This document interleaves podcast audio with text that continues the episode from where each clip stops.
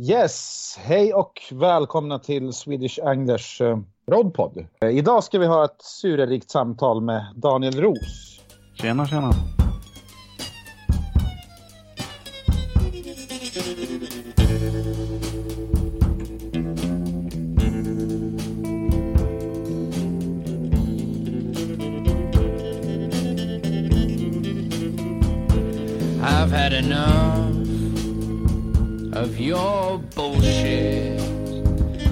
Last me a lifetime. So get out of here. I don't want to see you around here anymore. Mannen från Småland. Stämmer. Ja, och ämnet är? Jag tänker att du skulle ta ämnena faktiskt. Eh, som en liten specialpodd så kommer vi köra lite friåkning tänkte vi. Mm. Det finns inga ämnen, det finns inga regler och det finns inga, inget syfte. Det finns ingen röd tråd helt enkelt. Nej. Det, det kommer bara bli som det blev. Helt perfekt. Det är som Yes. vanligt då när vi fiskar. Ja, Ingen röd tråd alls. nej men det är ju det är lite pretentiöst att ha en massa röda trådar tycker jag. Är inte det? Så är det. Man tar dagen som den kommer. Mm. Vad ska vi säga? Daniel är en metare från Växjö va? Ja, stämmer. Växjö, Småland. Som har haft den stora oturen i livet att träffa oss. Ja, Och fått vara med på en del äventyr här de senaste åren. Han har fått lära Mycket sig den trevligt. Hårda, hårda finska skolan nu. ja verkligen. Eh, jag kände inte Danne. Och När fan sågs vi? Två år sedan. På väg till Ja. Ursjön va? Ja, precis. Det var första gången. Ursjön. Mm. Ja, stämmer. 2018 Så- nu sjön. Ja, så vart det ju lite av en kulturkrock där då. Mm, kan man På, ett, på ett positivt sätt. Ja. Hoppas vi. För det- någon av er i alla fall. Ja. Nej, så vi tänkte väl eh, det här med att meta med nya människor. mm. Det har man gjort lite nu de senaste åren när man har dragit igång det här med Swedish Anglers. får man ju träffa en jävla massa olika snubbar och någon tjej här och där också. Så det blir ju väldigt så här, jag har ju kört med mitt gäng då, där Sacco och Ronny och de här då. Så vi har ju alltid gjort på vårat sätt. Och eh, när man träffar någon annan så då gör de inte så som vi gör och då tycker vi att fan vad konstiga de är. Varför äter de inte rågbröd och varför, ja, you name it. Varför har de ketchup på korven och korvbröd och sådana här skumma grejer. Så att eh, det är faktiskt rätt kul med Mm. att eh, se varandras udda placering av bivis och ja, men visst är det så. Fråga, Vad är det konstigaste ni har sett då? Det konstigaste? Ja, alltså säger Ursjön då. Vad, vad är det någon, finns det något som har här, stuckit ut lite grann? Nej. Ja, det är väl, det är väl Ronny möjligtvis då som springer runt på sin podd överallt. ja. Ja, Den, den kan ju stå lite överallt. Den, den får man akta sig för liksom. Men, men annars. Fy fan, år när vi vaknade upp i Dalälven där när man skulle upp och gå till köket höll man på att få spötopp i ögat. Att den ställt sin jävla podd på vardagsrumsbordet. Riggad och klar med tre spön liksom. ja. Det, är det bästa stället någonsin. Köksbordet, eller Ja. vardagsrumsbordet. Ja men det är ju att hitta rätt, rätt placering för det viktigaste. Tre 13 fotspön. Och jag tänkte inte något mer på det där utan jag tänkte jaha han har ställt den där och sen gick jag till köket. Sen vaknade Danne efter en stund. Samma där höll på att krocka med den där jävla podden. Ja den, den Ja. eh, står lite överallt. Vad men fan här- hamnade den dagen efter? Det var väl bakom bastun eller vart den var? Ja, ja, visst. Jag står alltid i vägen. ja. Antingen det är i rätt. vägen eller också kommer han och bär på den överallt. Så nu var vi ur sjön, då kom han ju, gick med den och kollade alla platserna. Han kom och gå med en stor podd med typ två spön eller något liksom. ja, men han är, Men det är bara, bekväm. bara det faktum att Bolta eh, björkna i Dalälven är ju helt underbart. Ja, men då kan man ju göra annat under tiden. Ja, så är det. Grilla korv och dricka öl. Ja, till exempel. Mm. Eller somna på det där bordet som måsen äter upp mäsk och björn och allting när man vaknar på morgonen. Ingenting kvar. Mm. Ja, det är helt underbart. Nej men, är, är, så jävla olika är vi ju ändå inte. Det är mest du som försöker få det att verka annorlunda. Alltså svenskar gentemot finnar. Nej, Eller- alltså, nej tänker till du? Sättet eh, så är vi väldigt lika. Alltså till, hur fan, ska man säga? Alltså, det är inte så att man träffar en beduin eller någonting sånt där, utan vi är ju väldigt lika ju. allt det andra. Men just maten är ju extremt olika och dryckesvanor. Alltså inte, det säger inte att finnar dricker mer, men eh, vi, vi dricker andra grejer än svenskarna gör. Som sagt, man har ju alltid jalla sig. Det, har- det är ingen som vet vad det är. fan är det där för något? Fråga. Ädelsprit. Ja, och den tar man alltid när man får en fisk, en, en liten kork. Men Mm. sen är det ju att oftast där sista kvällen har man inte fått någonting, så då får man ju öka ransonen lite grann. Absolut. Eh, det- ja, Nej, jag hade inget sådär tillägga. Du var bara på väg. Ja, nej, det var inte sådär. nej men det är ju till mångt och mycket väldigt, eh, väldigt lika sådär. Jag kan, jag kan inte säga att jag har träffat någon som är extremt kufisk på något sätt sådär. Nej. De flesta är ju, man har ju samma intresse så att eh, de flesta är ju på något vis på samma bana sådär. Ja, på ett ungefär så är man ju likadan. Sen har ju alla sina egenheter. Det är det som är det roliga. Ja, så är det ju. Men eh, det som är lite fascinerande det är ju att man, eh, man kan mäta på så olika sätt och ändå nå ungefär samma resultat. Jag tänker som ja, Ursjön till exempel. Där är det ju många som nöter på ett ställe och kör bara med majs medan någon annan kanske, jag går ju ofta runt mycket med mask och sånt där. Och någon annan kör boltfiske och ja, en fjärde kör någon centerpin centerpin-rulle och Ja, ja, ja, Ah. ja. Ja, men Karl har också kört centerpin där. Så det är inte, eh, Har du fiskat något med din centerpinrulle än eller? Ja, ja. vem jag? Nej, Krille såklart inte du Tomba. Tomba äger ingen. Nej, jag vet. Han är livrädd för dem. Jag har nog haft fler centerpinrullar än någon annan svensk metare. Det, kan jag tala om för det. Och ingen har funkat. Flugfiskrullar då? Ja, precis. Nej, alltså jag, jag höll ju på och sålde en massa jävla skit för i tiden. Fiskeprylar och, eh, och sånt där. Så när man köpte sådana här... Eh, alltså jag samlar ju på gamla avbidrag. 40-tal och, och framåt då. Och så var det alltid någon jävla gammal gubbe som hade kodat vippen någonstans och sen skulle man sälja farfars gamla fiskeprylar. Då, då fanns det ju jävligt ofta centerpinrullar med.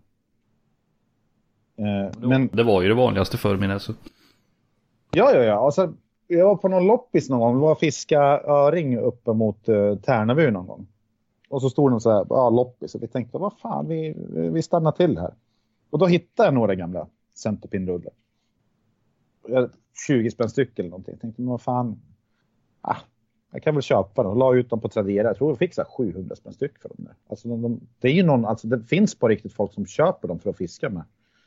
Så att, eh, men de är inte ovanliga att hitta. Mm. Nej, det, det finns nog gott om dem egentligen. Ja, men det är många som pimplar röding eller någonting som man använder. För att det, nästan varannan sån här centerpinrulle, den är ju fastsatt i någon sån här hemmagjord rödingspimpel eh, träpåk. Eller Ja. lak eller... Så Mm. att, eh, det har de använts till No. mycket. Men det är säkert kul. Jag säger inte det. Det är bara att eh, jag är väldigt sådär... Ja, jag vet inte vad jag är. Skeptisk till den. Nej, alltså jag har ju kollat när Karl fiskar till exempel i... Vad heter den här ån vi fiskar i? Hedströmmen. Det ser ju roligt ut och det ser... Ja, liksom på alla sätt. Ja, kul ut. Men det är sånt jävla meck. Då ska man beställa spön och, och sen, ja hur mycket kör man med centerpin? För då blir det ju sådär att om man har köpt grejerna då ska jag meta allting med centerpin då, bara för att kunna använda prylarna.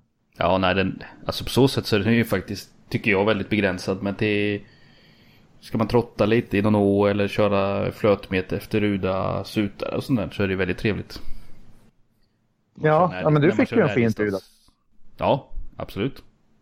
Så, det så där. sätt är de ju, eh, är de ju roliga. Och sen är det ju, det som jag gillar med det är att du har ju, eftersom man inte har någon slivbroms så har du ett annat sätt att drilla fisken på. Så att, ja, bättre kontroll kanske jag inte ska påstå att jag hade men lite mer. Lite mer kanske.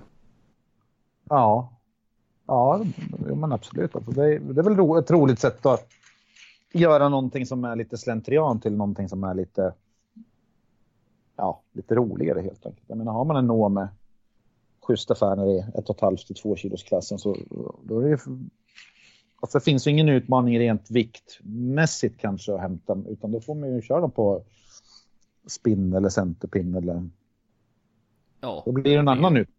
precis det blir någon, någonting annat. Så sett. Så det.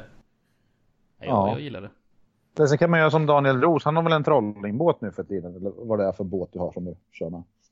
Du tänker från i söndags? Ja, men har inte du meckat med någon båt eller någonting? Mm, nej. nej, jag har en vanlig eh, dängbåt egentligen. Klassisk gummibetsbåt, spinnbåt. Högeråd 460 fishing. Men det är nästan eh, nästan så jag får ta, ta på mig cykeltröjan när, när jag fiskar med den, faktiskt. Så det blir inte så ofta tyvärr. Nej. Har du stripat den då? Nej, inte än. Men jag, jag väntar på mina Swedish Anglers eh, stripes med flames. Stripa den med bra. Mm. bravida Mm. symboler istället. Lindab. Mm. Ja, Linda med hela båten ja. Kanske något. Det, det är nästan som Linder. Mm. Ja, för fan. Nej. Det är bara för det är skoj. Alltså så. Stå och kasta gummibeten. Eller knappt det kanske. Jag vet inte varför jag sysslar med det ibland. Nej, man får ju inte det. Det är mycket bättre att gäddmeta på alla punkter tycker jag. Eller vad säger ni? Ja, det är fruktansvärt mycket mer bekvämt att meta. Och mer Ja. effektivt. Många Jag Jag vet gånger inte är när det. jag köpte gädda senast, alltså så här riktat. Jag åker ju upp till Jämtland någon gång. En polare där och... Men det är ju inte, det är inte, alltså visst det är väl riktat mot gädda men det är mest att det är liksom lätta grejer och det är kul. Men det var väl någon troll, eller något trollingpass i Eskilstunaån för snart tio år sedan. Det var väl mitt sista gäddpass kan jag tänka mig. Mm. Och hur kommer det sig att du inte fiskar med gädda då? Du har ju fina vatten i närheten. Nej, men jag tänkte... Alltså, vi körde ju mycket just liksom trolling. Eh, november, december där någonstans. Och det var alltid kallt, man frös. Det var ett jävla meck att försöka traila ner båten på någon badstrand och grejer där man inte fick traila ner. Det var inte roligt. Och det gav mig ingenting. Alltså, jag Nej. åkte ut, det var bara någonting man gjorde varje år. Så. Nu är det gädda. Vi fick ju schyssta gäddor alltså. Vi har fått gäddor, ofta 8 kilo och sådana här och upp till 12 kilo. Men sen tänkte jag ändå, men vad fan, jag gillar ju inte det här. Det här är ju inte kul. Det är ungefär som att vara ett dåligt förhållande eller någonting sånt där. Alltså, man är bara där, men egentligen så vill man ju inte. Nej. Så, så då la jag av. Och- Bra. Jo, alltså jag har ingenting emot gädd- gäddfiske sådär för att på, på eh, våren när vi metade efter gädda förr i tiden. Det var ju skitroligt Mm. för då kunde man ju sitta på stranden och, och pula med sitt och, och, och hålla på sådär. Men just de här kalla jävla trollingpassen bara för att få upp Mm. en gädda. Så är det. Jag vet inte. Meta är ju det är mer bekvämt. Ja, så är det. Kanske Så där är man eh, är ute efter. Därför man är Mm. metare. Bekväm. Ja, men så är det ju. Men det är ju det är ju bara bekvämt när du faktiskt metar. Det är ju inte bekvämt att bära alla grejerna. Det är inte bekvämt att förflytta sig från A till B och det ska plockas med 200 saker och så vidare och så vidare. Så så sätt är det inte smidigt. Man ska släppa runt på den där hinken och ja. Men just när, man, just när man metar, då är det bekvämt. Ja, verkligen. Det kan Men med det är just det här att det är ett helvete att frakta allting från A till B när man metar. Alltså ska man till en Karpsjö eller någonting, då har man en båt full av... Alltså, då har man ju tur om man har en båt. Ofta får man ju gå åtta vändor till saltningen på plats. Men sen är det ju lugnt. Medan gäddfiske, det är så här lite småjävligt hela tiden. Det blir liksom aldrig kul. Det är aldrig så här relaxat. Att åh vad skönt, nu är allting. Utan det är ett jävla kastande och meter det på ett annat sätt. Du kan bara svinga i dina boilies och sen behöver du inte göra, alltså du behöver inte sveva upp dem på hela helgen om du inte, om du inte vill. Om man inte får en fisk på det. Så att eh, där väljer man ju lite själv hur aktiv man vill vara. Ja, absolut. Där blir det ju på ett helt annat sätt. Eh, och man kan, man kan göra det jätteaktivt. Du kan ju köra... Eh, springa runt ut med en å, feedermeter eller något, flytta det var 20 minut och så vidare. Så då är det ju... Rör man ju på sig på ett annat sätt med. Men det, är- det är ju... Det är ju ett annat sätt än att stå och spinnfiska en hel dag. Ja, jag springer ju mycket runt efter färna på våren och vintern och sådär. Men då har man den här hinken med sig. Och... Men det blir ändå sådär att ja, visst, du tar en liten promenad på två minuter. Sen sätter du ner hinken, kastar i. Men sen, sen sitter du faktiskt och gör ingenting. Det är inte så att man kastar med sina färna grejer utan det är ett eller två kast och sen, sen sitter man ju bara. Ja, Så att, men man, man får, får ju inte den där kastarmen kanske. Nej, Men- man sliter nog inte ut några axlar på det här. Du verkar ha en väldigt eh, aktiv approach till färnafisket eh, gentemot mig själv och många andra dock, vad det verkar som. Att du väldigt aktiv och rör dig mycket, kastar om ofta. I alla fall Ja. alltid när jag ringer och pratar med dig under tiden när du är ute och fiskar. Jo, jo, så är det väl. Men eh, samtidigt, alltid när du ringer så får du ju fisk också. Så det, är, det är också en sån där konstig grej. Ja, Eh, men eh, om du tar Hedströmmen till exempel. Den ja, är ju, jag vet inte hur lång den är, men säg våran från zon 1 till upp till eh, Kolsva. Sen har de någon sån här forellsträcka där och sen fortsätter det ju bort till Malungsbokloten. Den är ju otroligt lång den här ån. mm, och våran sträcka kanske är vad ska jag säga, 20 kilometer varav 19,9 är totalt ofiskade. Alltså det är ju, visst, någon har väl metat där någon gång, men jag har aldrig sett en annan meta det där och jag har gjort många, många, många pass där. Och, eh, Men bröd? Du, du, kör du mycket bröd då? nej. På ytan alltså? Nej, jag fiskar ju inte så mycket på sommaren. För det, ån är ju så jävla liten. Det är ju mer som ett eh, ja, lite bredare dike eller vad fan man ska säga. Alltså väldigt så här, Ja. ligger som en sänka och eh, glider fram där. Så att eh, jag måste veta varje spot från Kolsva ner till mynningen. Och sen kan jag börja ta det lugnt. Jag kan liksom inte sätta mig och tänka vad fan finns bakom nästa krok. För det har ju inte varit. Så nu har det tagit mig en tre, fyra år. Men nu har jag varit på varje spot där. Och då kan man ju börja liksom samla på sig lite fakta. Att, ja, vart har du sett stor fisk och vart har man fått mycket fisk? Och finns det någon zon där konditionen är bättre än någon annan zon? Och, och så när man pratar med Karl och Ronny och Sacco, eller de här som, som har varit där och fiskat och sen jämför man resultat. Alla fiskar lite olika. Ronny Bolta givetvis. Eh, och så där. Och sen Ja. börjar man pussla ihop det där. Att Ja. okej, det verkar som att eh, till exempel zon 3, att den är het. Den har, eh, innehåller färre fiskar men större fiskar.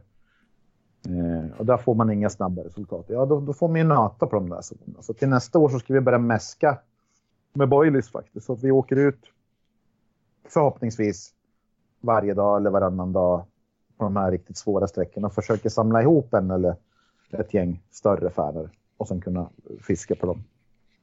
Så att Mm. det är ett väldigt annorlunda fiske jämfört med säg svartån där nästan alla nu har jag inte- aldrig varit i Svartån och fiskat, men jag kan tänka mig att det finns heta ställen som folk känner till, att här har man fått stor färna. Och då, då sitter man och nöter. Man är inte lika benägen att flytta vidare för att man vet att hösten 82 så fick Svenning eh, Ottosson en, färna på 3,3 här till exempel.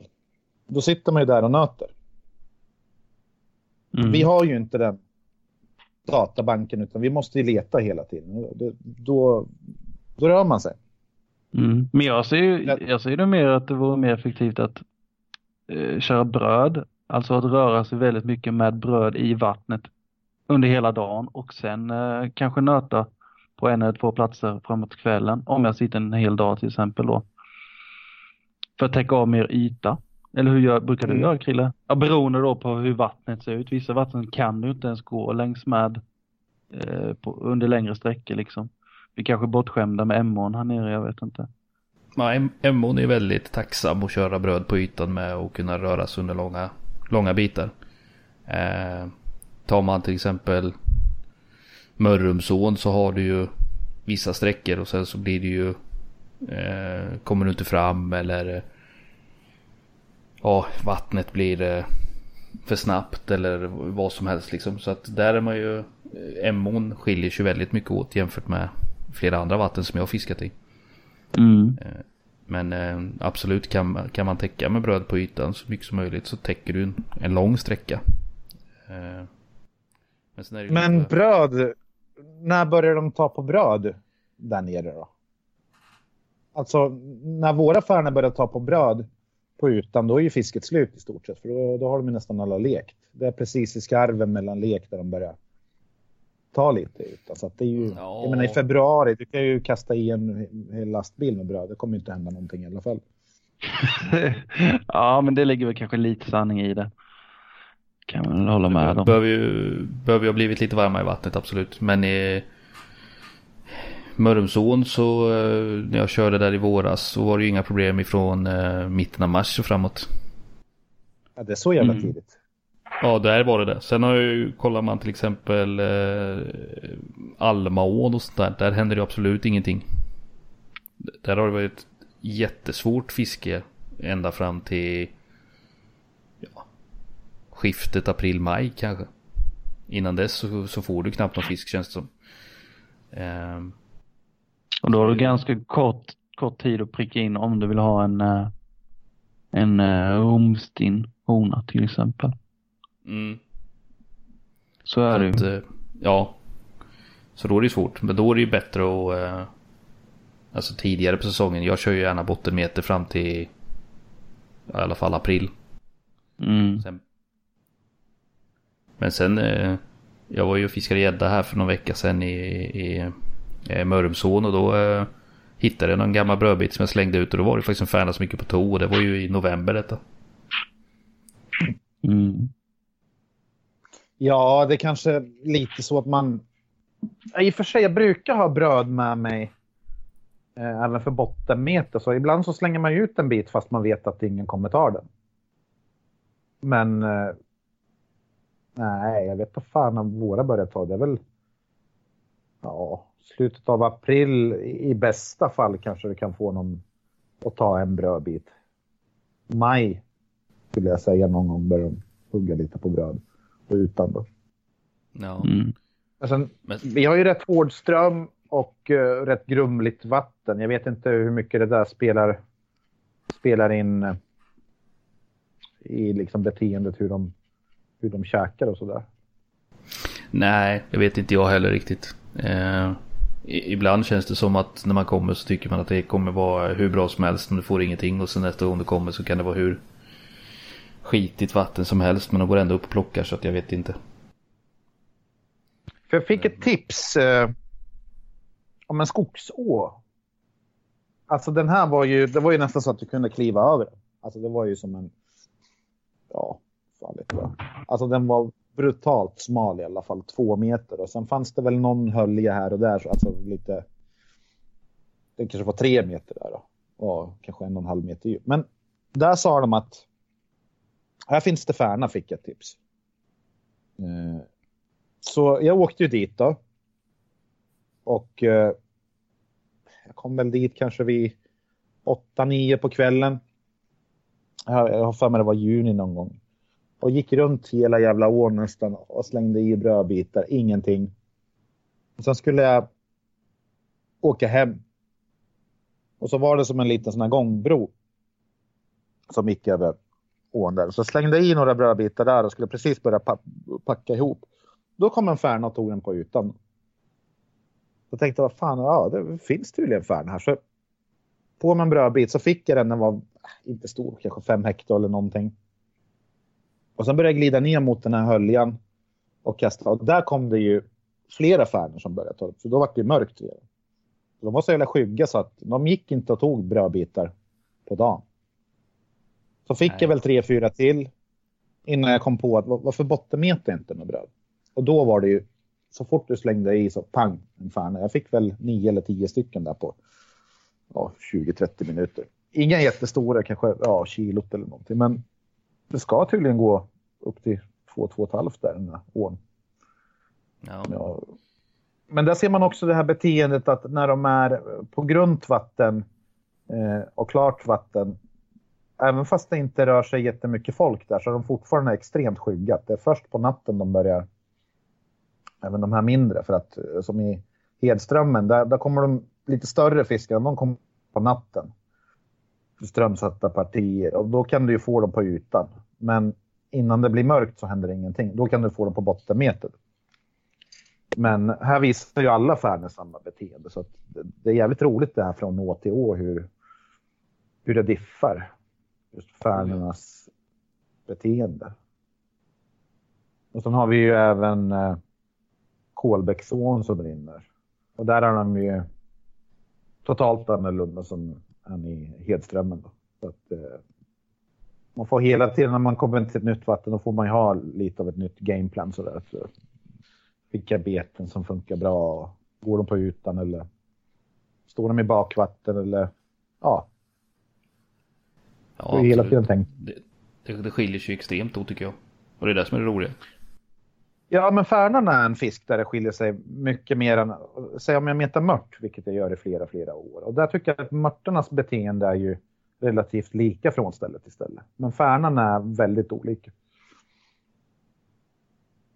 Tycker jag. Ja. Jo, men så är det ju. Jag menar, jag har varit nere i, i Helgeå och fiskat på några sträckor och där, där går det inte, de går inte upp på ytan där överhuvudtaget. Eh, vilket är väldigt konstigt. För att Ja, det är ju inte så att det är en liten sträcka eller liten å på något. Utan det är rätt så brett och rätt så ström på många ställen och sådär. Men där vet jag inte om det är på grund av att det finns mal. Jag vet inte. När vi var i Flian så var det ju likadant. Vi kastade brödbitar. Jag såg en stor färna som, som vände men han tog inte. Och så pratade med någon efteråt och då bara då provade på ytan. Nej, det är ingen som har fått en färna på ytan. Det är bara bottenmeter som vill. Men vad fan, det är ju 30 centimeter djupt sa jag. Ja, ja men det är bottenmeter i alla fall. Så det, mm. jag vet inte hur man gör med det. Men där var det också så väldigt litet intimt vatten. Så det, det är väl kanske att de skyggar sig jävligt, att de vågar inte avslöja sig. På tal om mal. Händer något med eh, huruvida man ska få fiska mal?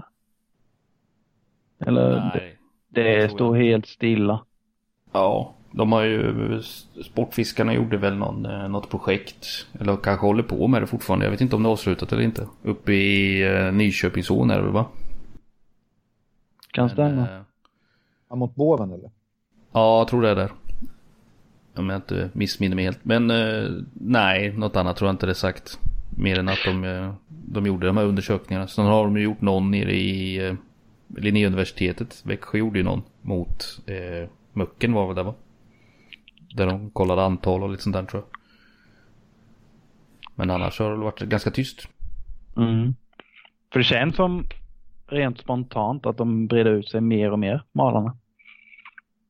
Ja, som i Mälaren till exempel, där har du ju jag var på en, vad fan hette det där stället? Det var någon sån här spinnbetebutik i Västerås i alla fall. Sportfiskeboden tror jag det hette.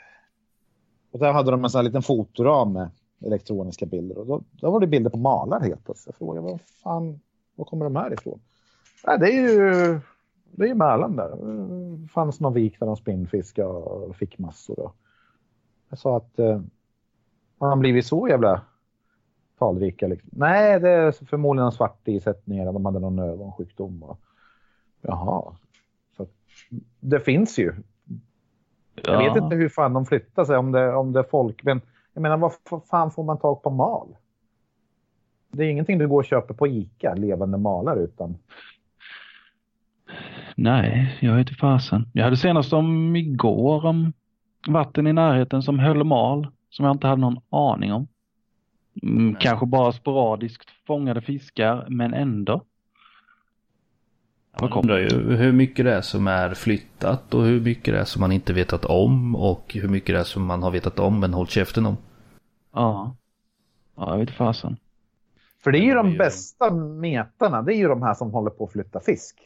Det har jag tänkt på för att det, varenda jävla rekordkarp i hela Europa har ju blivit flyttad åtta gånger och ingen har fått karparna. Sen har de blivit flyttade. Men de här som flyttar fisk, de får ju alltid de här stora fiskarna. Och tänk på det. Som mal och ja. sånt där. Nej, men det är flyttad fisk. Men då är det någon jävel som har varit någonstans och fiskat upp dem. Så de, det, det, kan ju inte vara ja, någon som svingar en atom. Utan det måste ju vara folk som medvetet meter upp dem någonstans och, och flyttar på dem. Så det, det kan ju inte vara vem som helst. Mm, någon som verkligen vill flytta dem. Ja, för det känns som att det, man lägger inte nät om du vill ha fisk och flytta. Har du skött? Jag vet inte. Någon jävel. Nej, jag har inte en susning om hur de gör det. Men när du säger det nu så måste de ju vara, om de, om de spöfångar dem så är de ju jävligt skickliga alltså. Ja, det är de ju illa tvungna att vara. Ja. Vet du fan om de skulle säga till mig att åka upp och hämta fem, sex maler som vi kan flytta. Jag vet inte vart jag skulle börja. Ja, det var kanske Boven eller någonting, men jag menar, det är ju en stor sjö. Det är inte bara att man sätter sig i första bästa vik och kastar ut en, en mört eller någonting, utan man måste nog kunna sin beskärda del av sjön eller ja, ja. fisk. Men så känns det ju som att de Malin i sig är ganska duktig på att ta sig fram också till nya. Alltså då undrar hur mycket de går liksom. Äh, hur mycket de rör på sig själva med. Och letar ja. upp. Typ som ålen är ju är ganska säker på att ta sig fram. Jag menar den kan ju röra sig över ytan. Jag vet inte hur länge det är.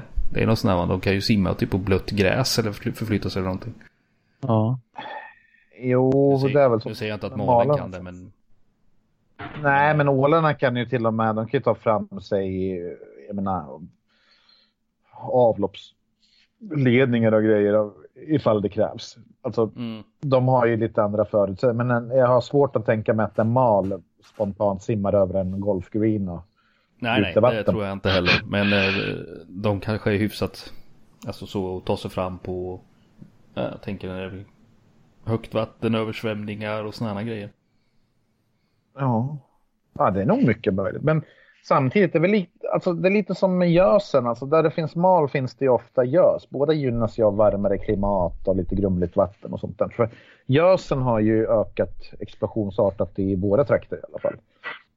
Ja. Om du fick tio fiskar förr, då var det nio gäddor och en gös. Och idag är det tvärtom. Så förmodligen har väl malen gynnats lika mycket som, som gösen då. Att det har blivit helt enkelt bättre förutsättningar. Mm. Men kanske man inte kan ha hur mycket mal som helst i en och samma vik eller sjö eller någonting. Så då börjar de väl röra på sig då. Jag vet inte. Ja, det är ju det mest naturliga egentligen. Ja. Så, men eh, mm. ja, man har ju egentligen har man inte en susning. Så man får spekulera i det. Ja, så är det väl. Man känner sig inte sådär superpåläst kring malen och malens beteende direkt. Nej, så är det. Men det hade varit kul att få fiska dem i alla fall. Ja, det kan man alltid hoppas på någon gång.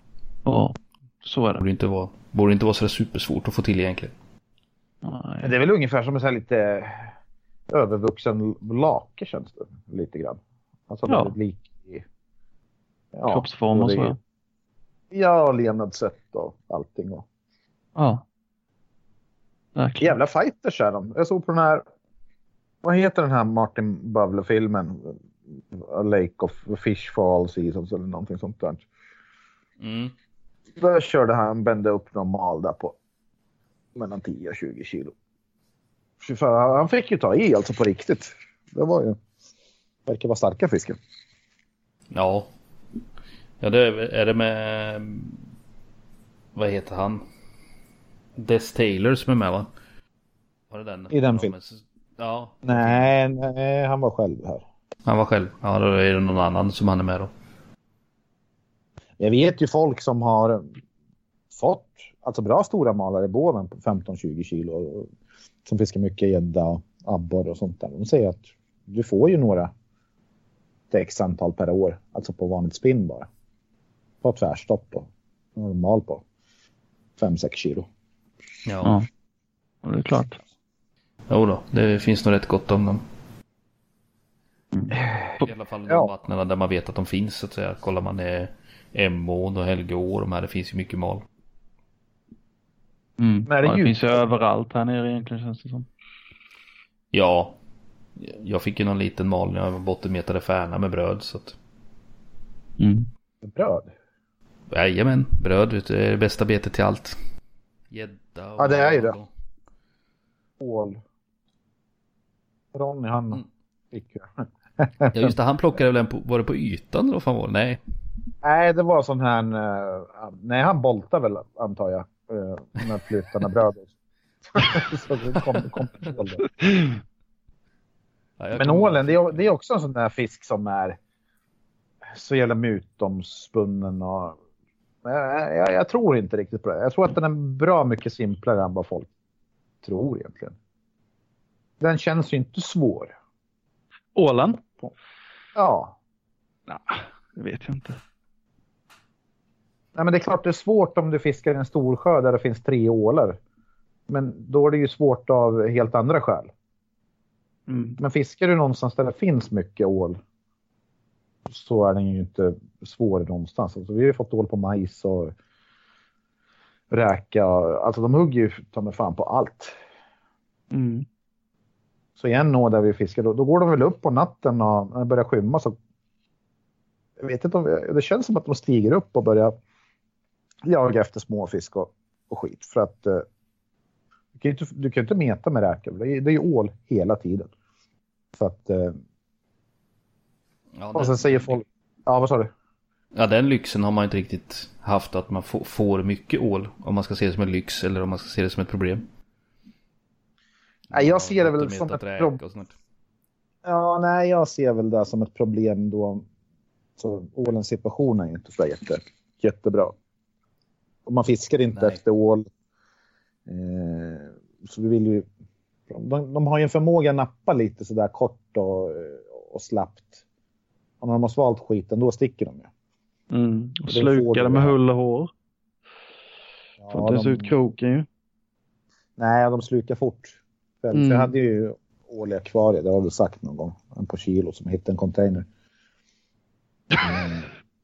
Och eh, ja, det var ju på, jag jobbade på kraftvärmeverk så hade de ju tömt de här Ah. kylvattensgrejerna. Så allt som fanns där, det dumpade de i en container. Så när jag och Ronny gick hem så, så, så såg jag, fan det finns en ål där, ta hem den till akvariet och rädda den. Eh, så den käkade ju ingenting på ett år först och sen, började, sen fick den ju aptiten tillbaks då. Så vi var ju och fiskade strömmingen en dag. Och så när jag kom hem och la i en strömming på ja, en skaplig 10, 12, 13 centimeter någonting. Han kom upp, smack sa det bara så var strömmingen borta. Det tog inte ens en sekund så hade han svalt hela skiten. Det var inte så att han stod och vände och klämde och kände utan det var bara så var det. Och då fattar Mm. man lite grann att ja, eh, nu, förstår jag varför man har djupkrokat många ålar. Att den tvekar ju inte en sekund. Nej. På tal om det, har ni, eh, har ni köpt den där boken än? Om ålarna? Ålevangeliet. Nej, jag tänkte fråga dig om den just. Är den bra? Jag har inte, ja, jag har inte hunnit komma så långt in än, men hittills är den bra faktiskt. Ja, jag, Vad handlar jag den om? Ja, än så länge är det mycket fakta. Eh, sådär. Men, Ja, det är ingen deckare utan en faktabok bara. Ja, än så länge så långt jag har kommit. Jag har kommit typ tre kapitel eller någonting. Var, man, var de leker och så vidare. Sargassohavet. Jag visste inte ens att uh, Sargassohavet var ett odefinierbart hav. Det är mellan Nej. alla, alla strömmar. Om man säger mellan uh, Mexikanska golfen och, och allt vad de nu heter.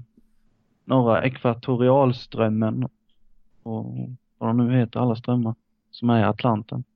Och flyter omkring någon, någon gegga där ju med alger och skit. Mellan alla strömmar.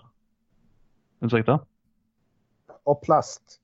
Och plast, ja en hel, en hel jävla del måste plast. Det är det som är geggan kanske. Ja det kan det vara, det vet man aldrig. Men Mm. från eh, ett till ett annat. Lakfiske. Hur har ni kommit Ja. till era planeringar? Om ett, Ja, vi kan ju säga först att vi ska, vi ska ju dra... Ja, det, är, det är fan nu, i- det är nu på fredag, vi ska fredag. fiska. Jajamän. Det är dags att börja tänka på det där. Ja. Du var väl förberedd hörde vi det ja. Eh, hur förbereder man sig för lakfiske? Ja, man köper en platta folköl. Folköl? Ja, jag kommer inte på något bättre. Ska inte Ja, förespråka nej. alkohol jag tänkte. Jo, men ja. Nej, så är det ju. Men. Eh, nej, jag vet inte. Det man har hört är att det ska vara någon fruktansvärt eh, stora sänken, eh, hårdström och eh, Ja. stora krokar och. Känns allmänt så här grovt det där fisket. Alltså det är ingen finlir. Det är inte krok nummer 14 och en halv maggot utan. Det är bara att mörsa in någonting. Ja. Hoppas på det bästa. 100 gram sänke klarar du den rätt så långt på. Ja, jag beställde några sådana. Så långt har jag kommit in i planeringen. Det var så Black, vad heter det, Black Weekend eller någonting på karpfiskebutiken så passade jag på, på att beställa lite. Ja. Men eh, nej, eh, jag vet inte. Alltså det är ett helt nytt fiske för mig så jag har svårt att greppa det där. Alltså hur man ska förbereda. Jag tar med mig, de sa ju ta med karpgrejen. Ja visst, då gör jag det. Och sen får vi se. Ja. Nej, jag... Ehm, jag gjorde ju ett testpass i Mörrumsån. Men ehm, det resulterade i ganska noll. Men eh, man fick i alla fall lite förståelse för hur man kan Inte fiska i alla fall. Ja, precis. Hur man inte ska göra. Det också. Men da, eh, Danne är ju någon, här, någon form av lakakrobat. Lakakrobat ja. Ja det är ordet. Ja, men du har, ju, du har ju fått några stora i år. Mm. Ja, men jag, jag, någon i har ju bara, ja, jag har ju bara pimplat dem sådär. Jag har aldrig eh, bottenmetat dem. Men jag kan inte tänka mig att det är svårare än att bottenmeta gädda. Det är väl i princip samma. Ja, bottenmeter görs är väl närmst skulle jag säga. Ja, eller det, det går väl med vilken tack, vilket tack som helst egentligen. Så jävla avancerat är det inte. Men de borde väl vara sådana att när de väl bestämt sig för att hugga då försvinner ju allting med hull och hår direkt i, i det där jävla gapet. Det är ju ingen fet, fet natt kan jag tänka. Jag vet, alltså inte de, de jag har fått, nej. Men eh, Det man det- vet och har pratat med folk om när det kommer till bottenmeter är att de är ju rätt snabba på att svälja så man eh, Man kan ju inte till exempel vänta allt för länge utan Det blir ju lite som att man vill ha en ja, Nästan lite feedertoppsmeter eller så blir det ju fast med lite grövre grejer eftersom det krävs lite sänken på 100 gram, Ja. ungefär 120 Men du vill ju ändå inte vänta så att det börjar dra ut lina som du gör på gäddmeter eller så vidare nej, nej. hyfsat snabba mothugg. För annars Ja. så sitter det rätt så djupt. Ja. Det är vad jag har fått till mig i alla fall. Mm. Nej, för jag funderar på... Jag vet inte, det här med larm alltså. Om man ska... Det är väl mer en extra indikation i sådana fall om man tittar bort eller någonting för en sekund eller tre. Nej, för jag pratade med Ronny. Han gissar ju Han ska han bolta. skulle... Han ska bolta. Han ska Han sa bolta liksom, dem. ah, hur svårt kan det vara? Det är bara att kasta ut bolten. Så. Alltså, det tror jag faktiskt eh, kan vara jävligt smart. Ja, men måste- Ungefär så är det. Alltså det är inte svårare än så. Jag vet inte eh, om man ska köra glidande tack eller kanske då, då har den eh, betet ut, skit, hin- hunnit skita ut betet kanske. Jag vet Ja, inte. de där uppe som vi ska till kör ju glidande. Mm. De kör ju 20-25 centimeters eh, kroktackel och sen eh, 50 till 70 centimeters enkestafs. Mm. Så du får mm. upp betet från botten lite. Ja. Och sen så spänner du bara upp så du får eh, ställer spöet så högt upp du kan så du får vinkeln. Ja. Och sen en Och så lysstav var- upp till. Ja. Så då ser du ju om det börjar vi- vibrera lite i spötoppen så är det ju någon Klass. räv. Klassisk eh, ålpingla får det bli. Det är fina grejer det. Fast man Ja. blir så nervös när det börjar plinga. För man ser inte vilken det är. Påminner mig om eh, forellfisket. Det är likadant. ja. Ja, men det där jävla pinglan man hör. Man ser någon kastar ut en botten med ett sänke. Alltså helt planlöst. Det ska bara ut långt. Det är liksom enda kriteriet Det är man det har. viktigaste. Måste Ja. mot mitten. Ja, och helst förbi. Och sen ska du ha en sån jävla bananbåge på linan. Och linan ska vara typ så här 0,28, 0,30 flät. Och sen den här pinglan. Så att när pinglan väl börjar pingla, då har den ju redan fått 10 meter lina. Och de här jävla kulorna ligger ju i tarmpaketet. Sen springer-. Ja, och sen ska du sitta så långt bort från spöet som möjligt. Gärna vid någon eld eller någonting. Och sen på tok för stora gummistövlar på. Sen springer du och sen drar du ett sånt jävla mothugg så att de får...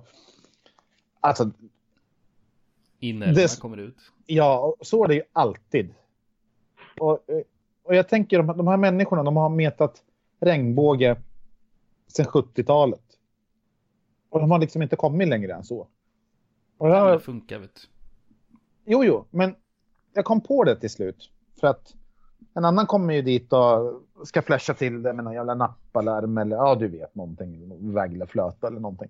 Men de är ju inte där för att, alltså. Visst, de är ju där för att fiska, men de är ju där för att ha kul. De gillar ju att sitta vid elden. Får man en fisk, då är det bara en jävla bonus. Det är, alltså fisket är egentligen en, en helt så, bisyssla i det hela.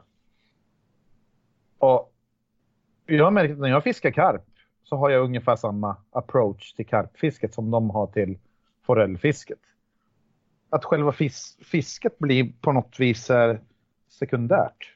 Det, det är den här stämningen att man, man ligger i en bivy och läser någon bok och grillar korv. Och, och man ska nog låta de där människorna hållas för att jag tror fan att de, de har nog roligare än de flesta som fiskar. Det I alla fall om man kollar på. Ja, men det är mycket så här sammanhållning och du vet. Ja, träffas, snacka skit, umgås. Ja, en- Del alkohol kan man väl. Och en del alkohol Kan. inkluderat. Ja, ofta eh, och mycket. Men. Men ja, nej, de, de har kul. De har Mm. nog kommit på. De vet nog fan mer än vad vi vet. Om Mm. livet. Låter som vi måste styra upp lite regnbågsfiske då med andra ord. Men det är fan. Jag har lite förkärlek. Finns det någon regnbåge kvar i Eskilstunaån eller? Nej. Jo, något. Något händer det väl där i alla fall. För vi, vi har suktat lite efter de här sträckorna att man kan fiska lite mört där. Men det är fortfarande någon form av fiskekort som gäller. Så att något händer det väl.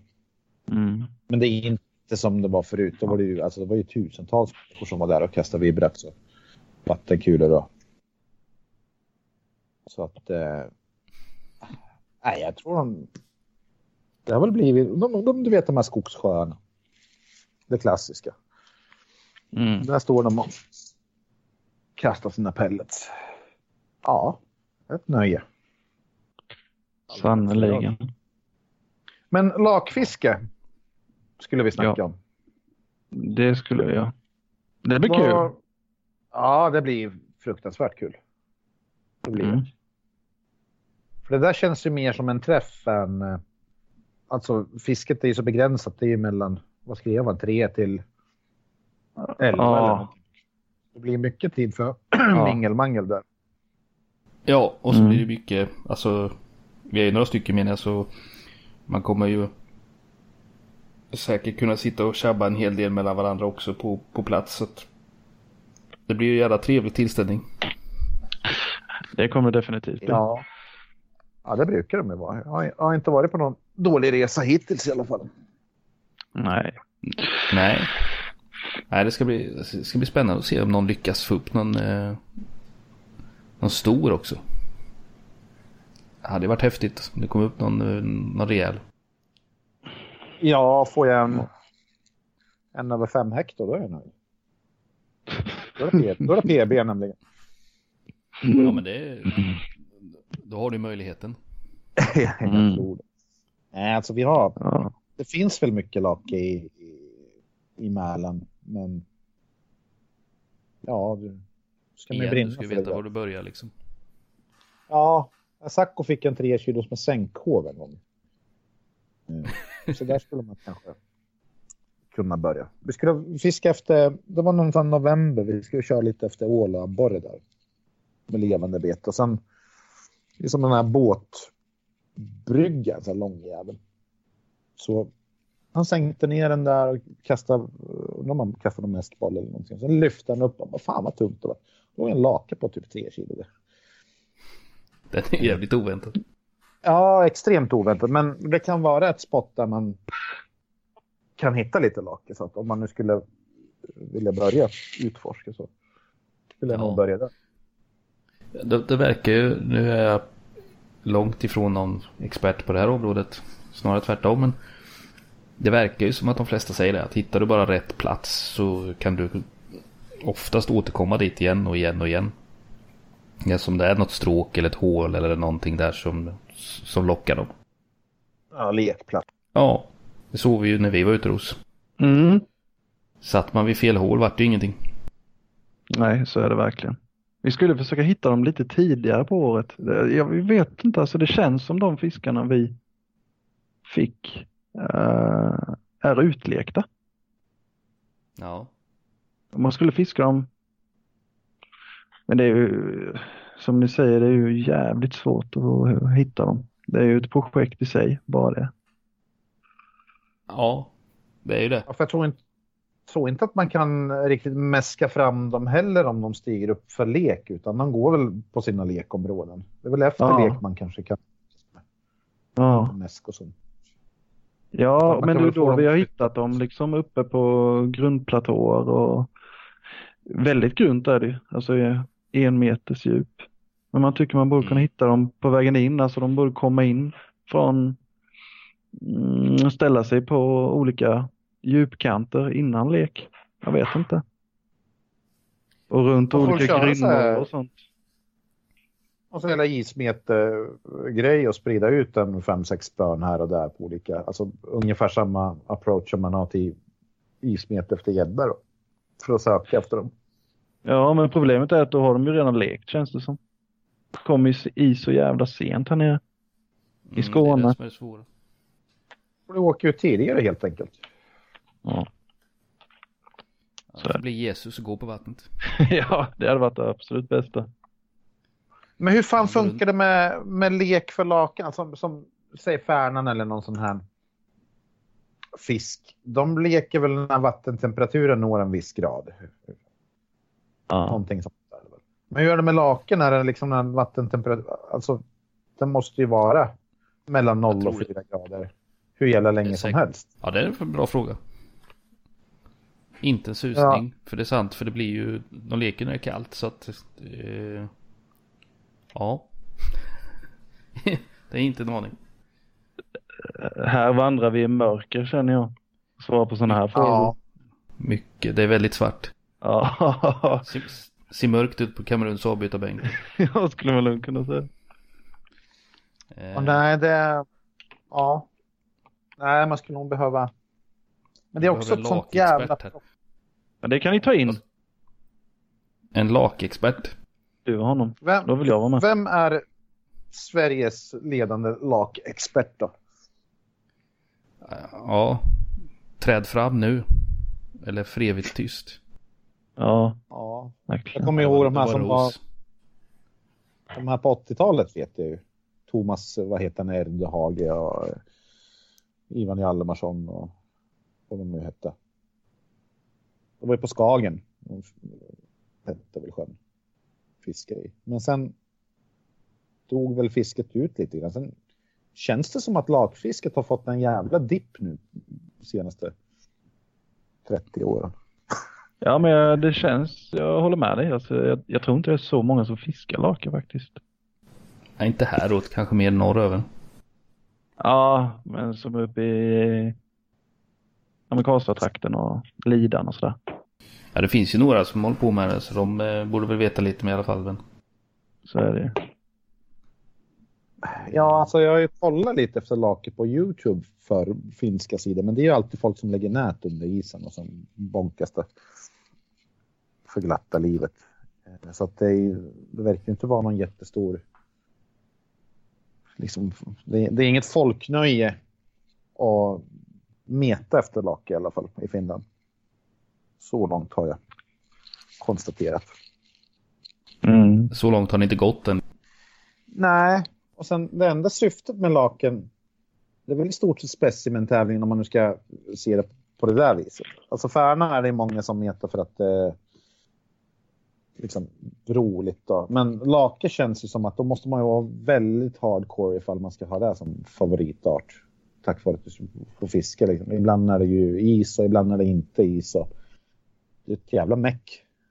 Ja, Ja. är det? ja, då måste du nog bo i ett, eh, lite längre norrut i Sverige så du vet att du får is under en längre period. Då tror jag att det finns en hel del som fiskar lake där uppe. ja, det Ja. är klart. Det är en fantastiskt cool fisk i alla fall. Vacker. Ja, ja alltså de är jävla häftiga är de ju. Riktigt Mm. schyssta. eh, Just hela färgsättningen om man ska säga på fisken. Mm. Vad ligger rekordet på det? Det är typ så här åtta och ett halvt eller någonting eller? Jag kan undersöka detta om du vill. Ja, det måste det Ja, nog ja. ligga i alla fall.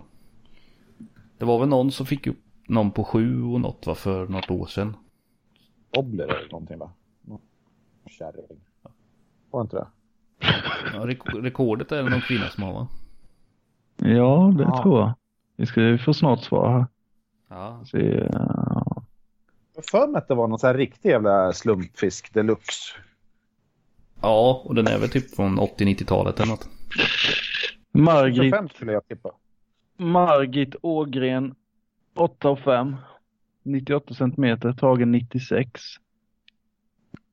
Fan, 8-5. Där hade jag rätt i alla fall. Ja.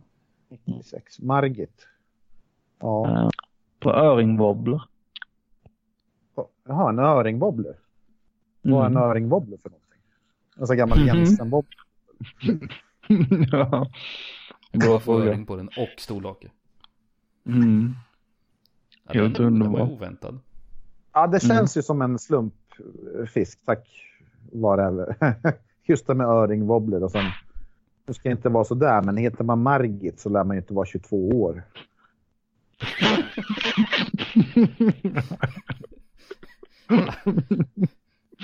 Risken är kanske låg. Ja, Du, du får försöka återberätta Ros. Hur ser Margit ut? säkert permanent Sluta. blont hår och någon, någon, någon mössa och skoter överallt. Nej, nu ska vi inte vara så där taskigt. Nej, Nej, men det, det, kom, var det konstiga, alltså. Nu säger ju inte jag att det är något, något skumt med det där, för egentligen så bryr jag mig inte det minsta, men just de sådana här slumpfångster, de har en jävla förmåga alltid vara så här jämna vikter, det är 8,5 eller 6,3 på pricken eller eh, jag menar när man får någon så här Färna-rekord då är det alltid så här 3542 gram eller någonting. Sen kommer laken, nej men 8,5 säger vi. Det är jämnt och bra. Ja, Du får tänka, det är normal- från- 1996 också. Men det är ju inte som att det var... Ja, jo, det var väl förra årtusendet, men alltså det var inte på stenåldern. Nej, 96, det är sant förvisso. Mobiltelefoner. Ja. Kanske Men- vägde den hemma. Ja, men så gamla rekord. Jag har ju forskat en jävla massa i gamla eh, så här, tidningar och allt möjligt.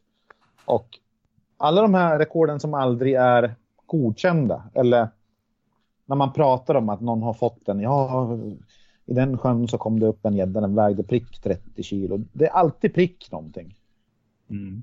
Så att, Fan vad sjukt. ja, men om, om man säger så att tio random människor får upp en helt jävla enorm gädda var alltså, en var. Tar man inte då tid att ta ordentliga kort och väga fisken? Alltså om man får en 30 kilos gädda, hur, hur många av de här tio tror du att skulle ta en, en hel jävla rulle med kort på den där? Och ringa till tidningen och väga den ordentligt. Alltså jag tror att nio av tio skulle bli så jävla glada att, att de skulle liksom dokumentera fisken väl. Ja, det får man ju tro. Ja, det är ju det är inte varje dag den får en 30 kilo sedel. Men alla de här stora 30 kilo sedeln, de är bara så här omnämnda inom lokalpressen från Överkalix 1942 eller någonting sånt där. Helst uppstyckad i några bitar eller någonting. Ja, men då kan du i alla fall väga dem. Då kan du ju väga dem på fyra bitar. Ja. Ja, ja det, det kan du ju köpa att du inte har en våg som tar 30 kilo. Men om man ändå styckar den, då kan man väl väga den i omgångar så att säga. ja. Helt underbart ju. För det var ju, kommer inte ihåg när det var, men då hade du den här drömresan tror jag den hette. Napp och nytt hade ju varje år så här. Ja, just det. Och, och den fick man ju någon gång och läste och då hade ju någon vunnit en, en id på 4,9 kilo eller någonting sånt där. 4, då, låg ju iden död där och så var den så här inkapslad aburulle som de hade hittat. Och så, för det var ju tvungen att hitta den, alltså få den med några abugrejer. Och då funderar man så liksom, fan det, det är ju rätt stort, 4,5 kilo. Men det, inga fisketidningar har ju fått någon rapport att en, en ny rekordid har kommit eller någonting sånt där. Så att, det var ju också en sån där 4,5 prick. Och den här snubben han fick ju åka till, fan vet jag, Seychellerna eller någonstans och, och fiska på den där iden som han aldrig fått eller vägt fel eller ja du vet. Klassiska Mm. pundskalen. Pundskalan ja. Ja. Och det är också konstigt. Jag har aldrig haft en våg som har en pundskala. Där finns det gott om. Ja, tydligen. Ja. Verkar inte bättre i alla fall. Det är Nej. många, många som väger fiskar som väger eh, runt 10 till 12 kilo så måste de ringa Aftonbladet och eh, visa upp denna majestätiska fisk som är slankare än någon annan. Ja, och sen ska den väga 16 eller någonting. Ja, typ. Men om du inte har erfarenhet av stora gäddor. Säg att du har kanske sett en 5 kilos gädda någon gång och sen råkar du få en på 13 kilo. Det är klart som fan den ser gigantisk ut. Och besvikelsen måste ju vara enorm när den bara väger 13 kilo. Du är helt säker på att den här måste ju vara minst 25 kilo. Så bara, fan 13? Nej, det här kan inte stämma. Vi skarvar på 10 kilo här då. Men det kan, det kan inte Höftar, finnas... höftar till på 23. Jämnt, blankt. Det blir bra. Det tror alla. Ja. Nej, men något sånt måste det ju vara. För att många av de här gäddorna, de är ju inte ens med i tävlingar eller någonting. Utan det är bara folk som... Ja, det är bara se- hittar på. semesterfiskare som råkar kroka någon jätte någonstans. Ja. Och så ringer de Aftonbladet. Vad var det förra året? Var det inte? Eller två år sedan? Aftonbladet hade någon. Här hade han fångat rekordgäddan och så var det typ så här. Sju kilos. Slank. Såg halvsjuk ut. Va, jag vet inte vad det blir på pundskala men vad sa de? 13-14 kilo tror tror jag de sa eller något sånt där. Så Vad skulle det vara rekord i då? Rekord i... Nej det vet de inte. Men den, den, den klassades som rekordgäddan eller något sånt där på Aftonbladet. Ja, De kanske gör ju personer en 30... efter- Ja, ja, precis. Det är ju... Det är ju bara, säger du rekord så vaknar de i ett liv. Ja, Det är dumt att, men men... det är dumt att kolla upp rekordet innan sådär. Jaha, åh fan det låg på 21, okej. Typiskt. Nej, nej, det är rekord för fan. Kom hit, ta bilder på mig. ja, sen samma den här malen som de fick i EMO, de har fortfarande rekord på 63 kilo eller någonting. Det säger de att han hittade i någon sån här jävla turbin. Alltså att han hade självdött och sen flyttit där vid turbinhögen. Ja, För den hade han ju fått också med så här inkapslad rulle och atomdrag eller någonting. Efter en lång och spännande kamp på tre timmar eller någonting. är, som han som, eh, vad var det han fiskade? Var det lax eller vad var det för något som stod och drillade när de kom tillbaka på efter jobbet? Ja, det var ju någon jävel som drillade i Var det vad någon? var. Ja, det var ju typ 11 timmar av 14 minuter eller någonting sånt där. Det är helt fantastiskt roligt. Ja, fast han kom ju dit med hela UL-spö och permanenta. Jag vet inte. Skulle, skulle jag kommer inte ihåg heller. slappkasta lite grann och sen kroka på en sån här 12 kilo lax eller någonting. Det var ingen jätte, alltså det var ingen så här 26 kilos utan det var typ rätt vanlig men det är klart. Pressar man inte då kan man väl fightas en bra. Kan man tydligen fightas 11 timmar. Ja. Du Rosen, Ja, jag är här. Jag har inte somnat ska än. du, ska du komma på mässan då? Mm, vilken av dem? Ja, fiskemässan tänkte vi. Sportfiskemässan. Ja, men det hade jag tänkt. Det hade. Eller Stockholm? Mm, Den andra mässan var nere i Skåne någonting. Krille? Ja, den är ju i Knislinge.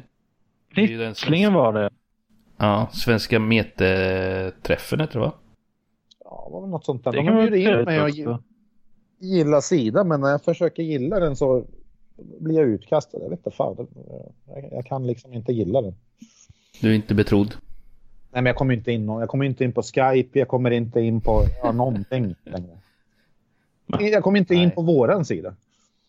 Nej, nej, du Som är överallt. penetrerad med en sagt. Och, ja. Vad Fan. Eh, nej, alltså den skulle jag faktiskt gärna komma till, men det, fan, det ligger så långt bort. Men ni ska, Ja, det eh, ni ska ha eh, ert lilla kryp in nästa år också. Swedish Anglers. Mm. Mm. På sportfiskemässan, sportfisk med- tänker du? Ja, Ja, ja, vi har ju Metertorget. ja. Ja, men det är jävligt Eh. trevligt. Mycket folk. Ja, det, det blir ju rekord i år igen. Det, blir... det, är, det är rekord varje år. Ja, Om inte annat så är det rekord för Stockholm eller också är det rekord för lördagen eller också är det rekord för... Jag vet inte. Det ja. är kul med rekord. Ja, så är det ju. Nej men det Ja. Mm. Nej, men eh, mässan. Jag gick ju på de här vildvar, vad heter det? Vildmarksmässan hette den väl rätt länge. Då var det ju två mässhallar, den ena med fiskar och den andra med något annat, jakt och vildmark och sånt där. Och då, då, då var det ju 26 000 besök eller någonting sånt där på en helg. Men sen, sen bytte de namn och sen, nu räknar jag väl bara på Sportfiskemässan. Men hur som helst så jag tyckte att den här vildmarksdelen var jävligt cool för att där hade du mycket, alltså jägare har ju coola kläder och så små stolar och skit och gas, alltså matgrejer och allt möjligt som man kunde vara intresserad av. Sportfiskemässan är så fruktansvärt, alltså det är sälja, sälja, sälja. Förr fick man inte sälja någonting. Det var ju perfekt för då visade alla upp det som var intressant. Nu är det ju som att du går in i en skitstor spinnfiskebutik. Ja. Det blir ju väldigt mycket fokus på det. Ja, olika priser och hej och... Men det är ungefär samma sak i varje ställe. Jo, och sen det här att Mm. eftersom man är så fokuserad på att sälja så blir det mycket mindre fokus på snack. Förr när du Mm. gick till monter, du gick till Abus monter, då visste du att de här, de, de fick ju inte sälja någonting till dig. Då var de ju tvungna att prata om grejer. Och då kunde man ju liksom snacka om- allt mellan himmel och jord. Men nu om det bara ska gå att snacka i en butik som säljer spinnerbaits eller någonting, då blir det fan utslängd. Vad fan ska du komma hit och snacka för? Typ. Köp något eller försvinn. Ja, alltså den delen tycker jag är lite tråkig.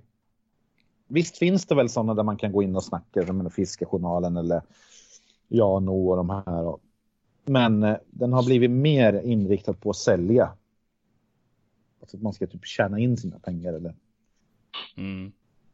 Ja, Men nu har det ändå i alla fall dykt upp lite mer... Eh, eh, klädföretag och sånt där som är på plats. Visst, de säljer säkert också va, men det, det blir ändå lite mer än bara spinnfiskebitarna eller så. Det börjar dyka upp lite mer tycker jag. Det är kul. Verkligen. Jag Har kläder ni- saknar. Har ni tänkt att utöka någonting så till nästa år eller? Utöka. Eller nej, det blir, ja men ha mer, visa mer grejer kanske, eller så? Det är Eh, svårt kanske. Det hänger lite på vad vi kan få med oss för, för företag och eh, lite sådana grejer såklart. Men eh, förhoppningsvis så ska vi väl kunna få till någonting bra av det. Ja. Det är inte än så exakt så att. Eh, men ja. jag skulle vilja... Alltså allting är ju lite på planeringsstadiet så här vilka som... Och Swedbait-grabbarna kommer ju vara med. Det är ingen överraskning. De är ju jävligt populära på mässan. Men som till exempel eh, Drännan har ju jävligt mycket coola grejer. Eh, inte bara spön och, och sånt där utan quivers och väskor och sånt där som alla fiskare egentligen kunde ha nytta av. Hovskaft och... Så det vore intressant ifall man kanske kunde få lite mer av deras utbud som, som vi två kunde visa upp då. Bara att ja, liksom ha Det hade något att varit visa- grymt ju. visa upp. Eh, Ja den, den hade varit schysst. Den, eh, ja det hoppas vi på.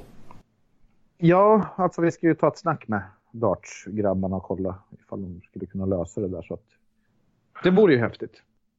Ja, verkligen. Men sen är det ju svårt, alltså kollar du på England vad som kommer fram, där, alltså det kommer ju produkter varje dag, alltså häftiga, coola. Så att eh, jag vet inte vad fan ska man, vad ska man plocka fram, vad ska man visa som skulle kunna vara lite så gränsöverskridande både mot eh, vanliga dödliga och metare. Mm. Den är svår. Jag tänker så här, avkrokningsmattor, men vad fan det är ju inte så jävla sexigt. Nej. Nej. Väskorna, ja. Men sen är det då att då är väskorna för dem är anpassade på ett annat sätt kontra vad vi som meta vill ha. Och, ja. ja, det är alltid svårt att få in det där. Plus att är det ett märke eller någonting liknande som de inte känner igen så är det inte av intresse. Eh, kolla de avkrokningsmattorna som har börjat komma nu på många av de här ställena. Det är ju egentligen sånt som har funnits inom metet länge. Det är bara att det står ett häftigare märke på. Ja, Mm. jag menar sen kan det ju... Alltså tar man någon sån här eh, riktigt kufisk grej, någon... Eh, fan vet jag, någon robotarm till hov eller någonting. Den är ju ungefär... Ja, jag vet inte. Lika funktionell som en dela-knapp på en hårdporrsida. Den är kul, men ingen kommer använda den. Så. Det där har jag faktiskt funderat på när man går in på sådana här roliga sidor. Dela oss gärna på Facebook eller någonting. Vem gör det? Ja. Det skulle vara du i så fall. Ja, men alltså, delar du det på Facebook då blir du portad för livet. Liksom. Eller, Varför har man ens alternativet? Ja, den är rätt spännande. Ja, den, den har jag funderat på ibland. Men den är väldigt svår. Men, ja, men hur som helst med, med prylarna. Att man, man måste hitta någonting som är väldigt... Eh, här, dels intressant men, men även smart. Jag tyckte Karpfiskebutiken som förra året, de, de hade ju satsat mycket på just kring fisket. Och de hade ju faktiskt många grejer som vanliga människor kom och kollade på och tyckte var jävligt intressanta. Ja, de körde mycket matlagning och sådana grejer, tillbehör till små enkla lösningar som kan behövas som funkar till det mesta och sådär. Så ja, det var, var bra tänkt. Ja, lampor och grejer. Så jag menar, det kan man ju Mm. ha en båt. Till exempel. Mat kan du ju laga i en båt. Om, alltså om du har gasolgrejer och sånt där. Så det funkar ju. Ja, men mete, det är ju så jävla svårt för att det finns egentligen inga... Det finns karpfiskebutiken och sen finns det ju Swedbait som är rena eh, metebutiker, alltså om man nu pratar specimenmete. Eh, som bara har mete som själva deras nisch då. Så ska man ta in någon, någon annan som säljer sådana där produkter, då får man ju ta in någon som även säljer mycket annat. Då, då är de kanske inte lika intresserade. Och kommer att visa upp sig heller. Att, nej, men vi vill inte se de produkterna som ni är kända för. Vi vill bara se era väskor eller någonting. Det, ja, det är ju svårt. Ja. Så att eh, då, då är ju alternativet att, att vi visar upp dem, att de kanske kan skicka någonting till oss. Säg att, eh, ja fan vet jag, Thermacell eller någonting skulle skicka eh, lite grejer som vi skulle kunna visa upp. Deeper hade vi förra året som vi visade upp lite grann och, Mm. och Drennan och, och sånt där. Så att, ja, kom med tips. Ja, jag ska försöka jobba på det. Ja.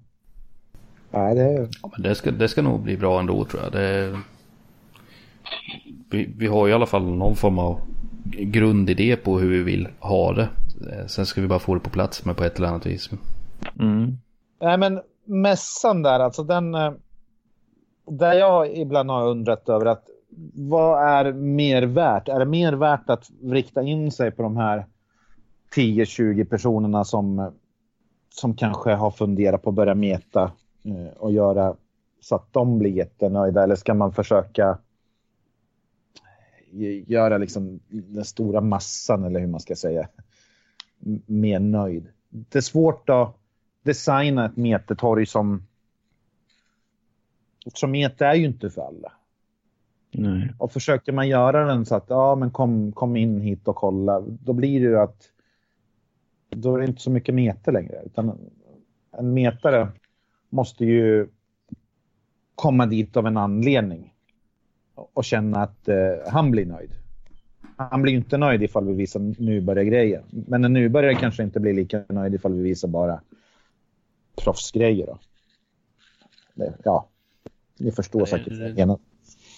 Det svår avvägning det där hur man ska lägga upp det. Ja. För som mäsk till exempel, det är ju en, en och annan rödingspimplare som kommer och hugger ett paket här och där. Och eh, någon som ska meta lite betesfisk efter sitt eh, till gäddmetet eller någonting sånt där som kan vara intresserad av lite meteprylar sådär. Men eh, just att få in nya människor in i metet. Det kommer väl en handfull varje år. Men eh, det är svårt. Det är svårt som fan att designa så att det blir rätt och riktigt. Ja. Mm.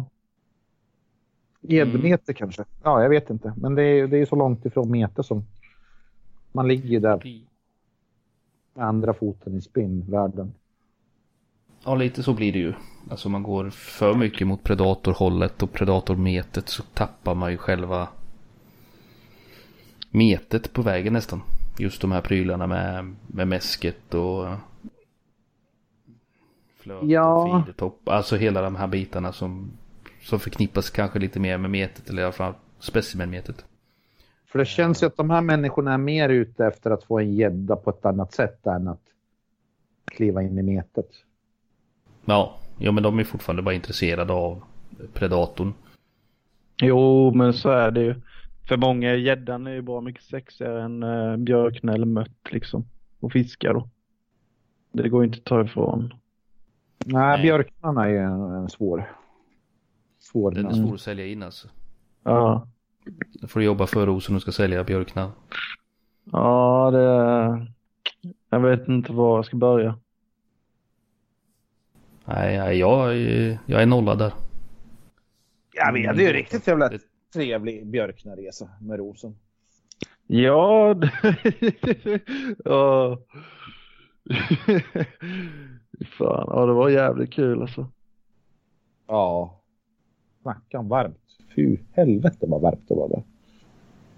Ja just det, ni hamnade i någon sån här supervärme som kom då ja. Ja, sen satt vi ju, det var ju som en sandstrand, sen satt vi mot, ja vad fan, hur ska man förklara? Det var en sån här sand, alltså en enorm sandbank som tornade upp sig som någon jävla vägg. Ja, jag vet inte. Vi satt där i kallingarna och drack öl. björkna. Ja, och tog en öl och, och sådär. Och jävla kul var det ju. Ja, jävligt kul. Det... Så- Du lyckades ju bäst va? Ursäkta? Du lyckades väl bäst med björken? Du fick väl några halvschyssta i alla fall? Ja, så var det kanske. Men eh, det var väl inte det hetaste fisket som någonsin har bedrivits i Dalälven heller.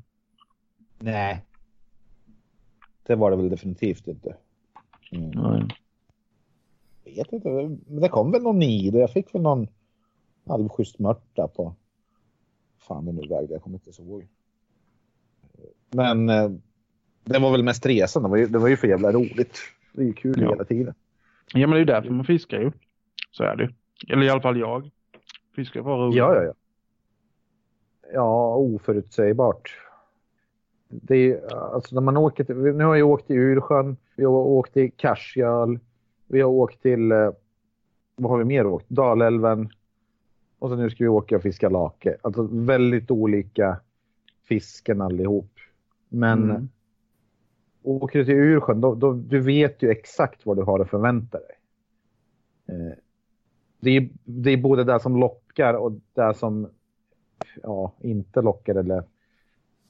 Alltså överraskningarna är ju inte så stora. Det är inte så att du får på en harr där helt plötsligt. Så att, den har ju en helt annan...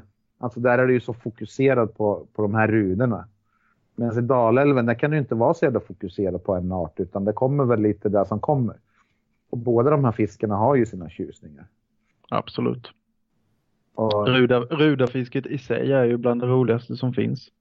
Alltså hur, på sättet du bedriver det med eh, flötmeter och att man smyger lite och bubblar och sånt där. Det är ju helt sjukt kul. mm. och sen själva Ursjön är ju så... Det är så coolt för att du kan hura hela sjön. Och det ligger helt off. Det är ingen som kommer att störa dig eller någonting. Så att eh, du gör ditt läger och lever dina dagar där med, Mm. Med dina Mm. Alltså, det är ju jättehäftigt. Dalälven, där kan det komma en barnfamilj med gubbar med öl och och bada på ditt swim helt plötsligt som, som händer nu. Ja. Kommer du ihåg den här snubben? Han som såg ut ungefär som den här Runa Sögaard med jordens kulmage som tog en fet taco och ställde sig halvvägs i vattnet och började käka det. Precis det. Stod och meta. Det glömmer jag aldrig.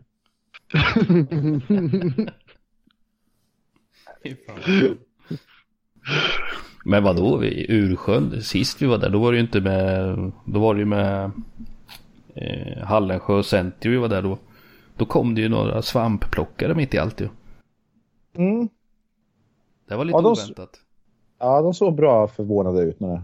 Ja, de det var nog lika chockade som vi. Jag är jävligt glad att de kom, att de inte kom fem minuter tidigare med tanke på att jag var uppe i skogen och uträttade mina behov. Ja, Det hade varit klockrent om de hade kommit och trampat runt där. och trauman för hela livet. Det hade blivit jäkligt dumt alltså. ja. Så eh, nej, det, det var oväntat. ja eh, första gången vi åkte, då, då sa jag till Krille, det var Krilles första gång.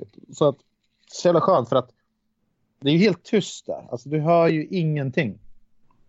Och, eh, vi satt och meta och då hade de sån här jävla veteran motorcykel rally där. För tre dagar.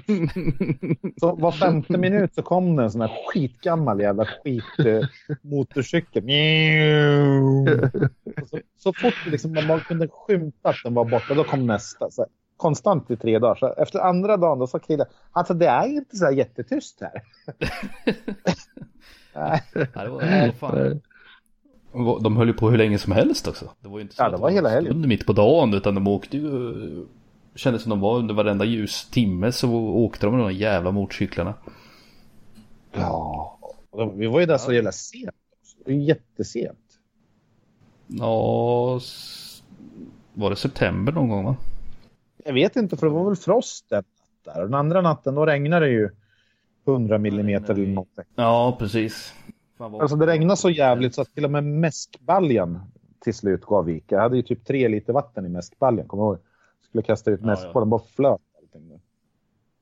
Jag vaknade ju med att jag hade fullt med vatten i mitt tält för att jag tyckte att jag hade hittat den bästa platsen att slå upp det på. Det var ju bara det att det var en liten håla så att eh, den eh, blev ju vattenfyllt. Så byxorna låg ju och flöt och Ja, men det var mysigt. Ja, det var en, det var en tuff resa. Och så fick jag typ 20 abborrar och ingen ruda. Ja. ja, det är väl bara Rosen som har lyckats få en. Alltså du fick väl din ni- vad vägde den, 1920 eller 1950 eller någonting? Jag kommer faktiskt var- inte ihåg vad den vägde. Jo, det var, jag har för mig att den, för jag fick den på 1920. Du sa väl att den var lika stor? Ja, 19 någonstans. Under två kilo i Ja. alla fall. Mm. Och det var väl den första fisken som någon? Nej, hade- nej, nej, nej. Eh, när vi kom ner till Ursjön, när vi var där med eh, ja, allihopa, Zack och dem. Då, eh, jag satte mig där borta vid björken ju. Måste det varit. Ja. Mm. Eh, Det tog ju en rätt snabbt det. Ja, det tog inte fem minuter ju. Nej. Men Ja, just det. Det var inte eh, Nej, precis. Så var det ju. Nej. Och sen fick jag en, runt 1500 kanske. Ja precis, sen fick jag en till på 15 eller 1600, någon timme efter. Men den på 1950 eller 60 eller vad den vägde. Den tog jag ju på Äppelales swim där typ vid tre på morgonen när han låg och sov. Nej, det gjorde du fan så heller. Jo, det gjorde jag. Det var jag som tog kort på den där fisken. Jag hade inte hunnit rigga mina grejer för jag knäckte någon öl där och satt och pratade skit med grabbarna. När jag skulle till mitt ställe, då hade du fisken och det var jag som tog de här korten. Det var ju inte tre på morgonen för att så länge satt inte jag och drack öl. Ja, ja, ja. Var det den Det kan, fisken? ja, det kan ha varit den andra fisken ja. Ja, ja så kanske. jag, jag vet inte. För jag vet att jag hade inte ens doppat i Vad jävligt ens. roligt redan- Ja, kul var det ju. Ja, det var jävligt kul. Men det är också en sån där sjö, du kan hamna, när man, när man är så många som vi är. Alltså vi har varit Ja. tio pers.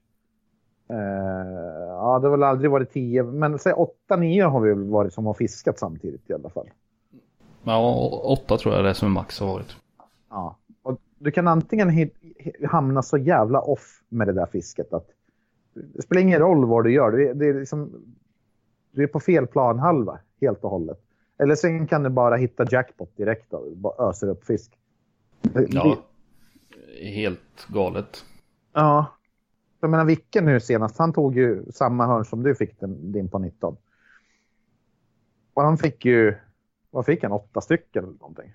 Och sju, sju, åtta stycken någonstans så att han väl plocka upp det tror jag. Ja, och det var ju sent, sent på eh, hösten där vi var. Mm. Och jag fick, fick jag fyra eller fem, men jag gick ju runt mycket. Men då hamnade jag ju, alltså när det, när det kom så lite huggruscher, då kunde du ju få en eller två väldigt, väldigt fort. Centio däremot, han, han hamnade i den här offside-läget lite grann. Det spelar ingen roll vad han gjorde, så det var, det var liksom helt dödsdömt. Han var alltid tio minuter för sen. Ja, eller för tidig. Ja. Så att, ja, det där är, det är jävligt lustigt hur det Det är svårt att säga riktigt hur man ska fiska där. Speciellt om man är flera stycken, man inte kan bara välja ett swim. Utan... Ja, Mm. Jag blev väldigt imponerad av eh, Martin eh, som började köra method feeder direkt. Han bara la sig och körde method feeder och fick bra med fisk också. Eh, första året där. ja nio Mm. tror jag väl. eller Någonting. Vad sa du Den andra. Ja, och året efter då, då gick det ingen bra. Så han bara, fan, jag måste börja flötmeta. Jag gick fem minuter fick jag en på nästan två och två.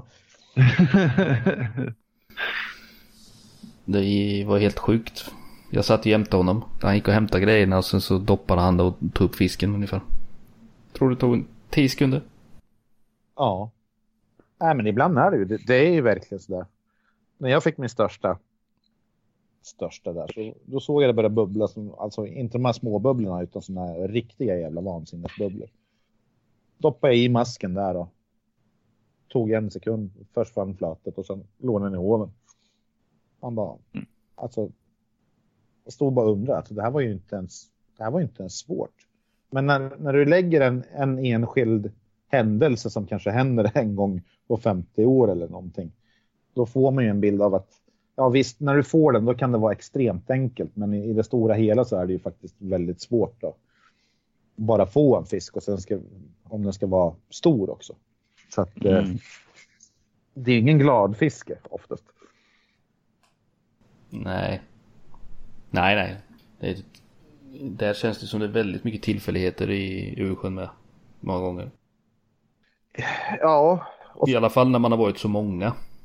Eh, ja, eller också är det bara jag som tycker det. men om man kollar så här, vilka beten har ni? Vad fick du på den? Ja, men...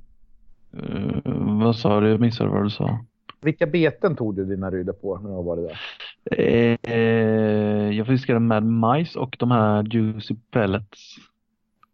Från, Mm. kommer inte ihåg vilka vad det var från för märke. Ja, det är den här Van Damme. Vad fan den Ja, precis. Ja, Van Damme ja. Marcel beten. någonting. Ja. Ja, precis.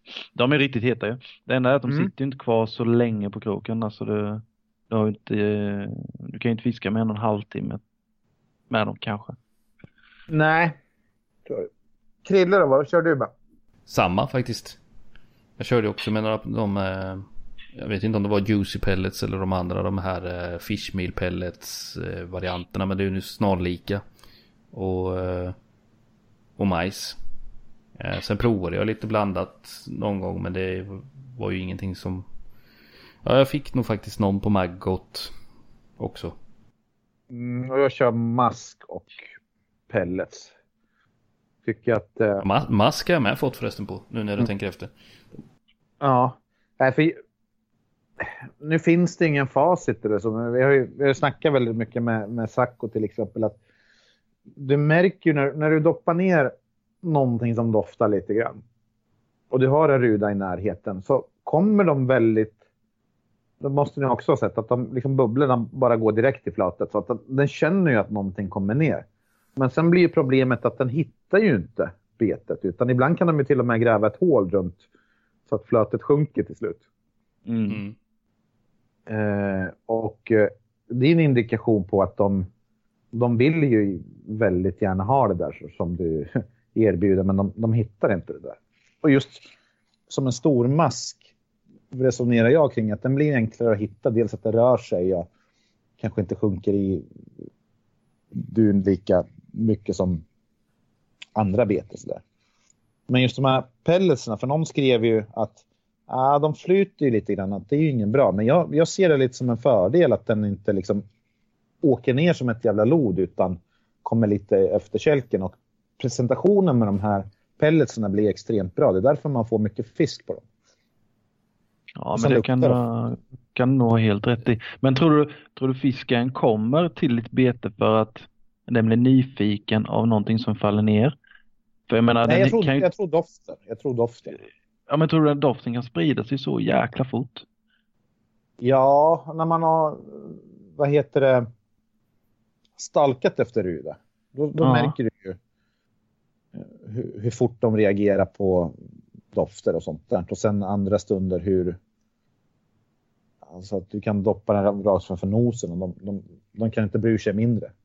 Ja, Rudan är ju verkligen så. så jag tror att den vet mer än vad man tror, vad som händer och sker. Men just de här stunderna när den är väldigt på stöten, då blir den ju extremt sårbar och enkel att, enkel att få. För att ja, det är väldigt ofta när du får ett bra flow, då kan du få tre, fyra stycken nästan på raken. Och de, de skyggar ju inte för att du drillar en fisk, utan man tänker som man fått upp en att ja, nu kommer det inte hända någonting på en timme. Så doppar du i, så blups, försvinner flötet igen. Ja, det är som de är inne i någon zon där. De Ja, spelar precis. ingen roll. ja. Krille, du pratade väl om eh, någon kille, var det från Skåne som hade, han hade väl gjort något, var det experiment på rudan? Eh, någon, någon forskare, eller hur var det? Na, Nazi-doktor. Ja, verkligen. Ja, men det, han hade kommit fram till, ja men, testat då eh, matvaror. Ja, var- och, och sen så, så fort han kom fram till någonting egentligen så eh, ändrade den helt och hållet spår. Rudan alltså. Ja, eh, var det inte, vad heter han? Eh, Jerker Winterstad heter han va? Jag Så, hade ju med honom i en 12 snabba någon gång. Han eh, hade väl forskat på, på rudan. Jag tror det är han. ja. Eh, jag för mig om att det står i hans 12 snabba. Eh, Nämnde han inte det? Ja, skitsamma. Men, men han har, han hade väl gjort några sådana tester att du, du kommer liksom aldrig bli klok på fisken. De, de var så förändliga. Det är helt underbart. Ja. Ja, nej för det är väl lite grann så här att de, de beterna som har levererat bra, det är ju oftast de här beten som ger en, en bra presentation, att de sjunker inte alltså långt ner i dun eller så.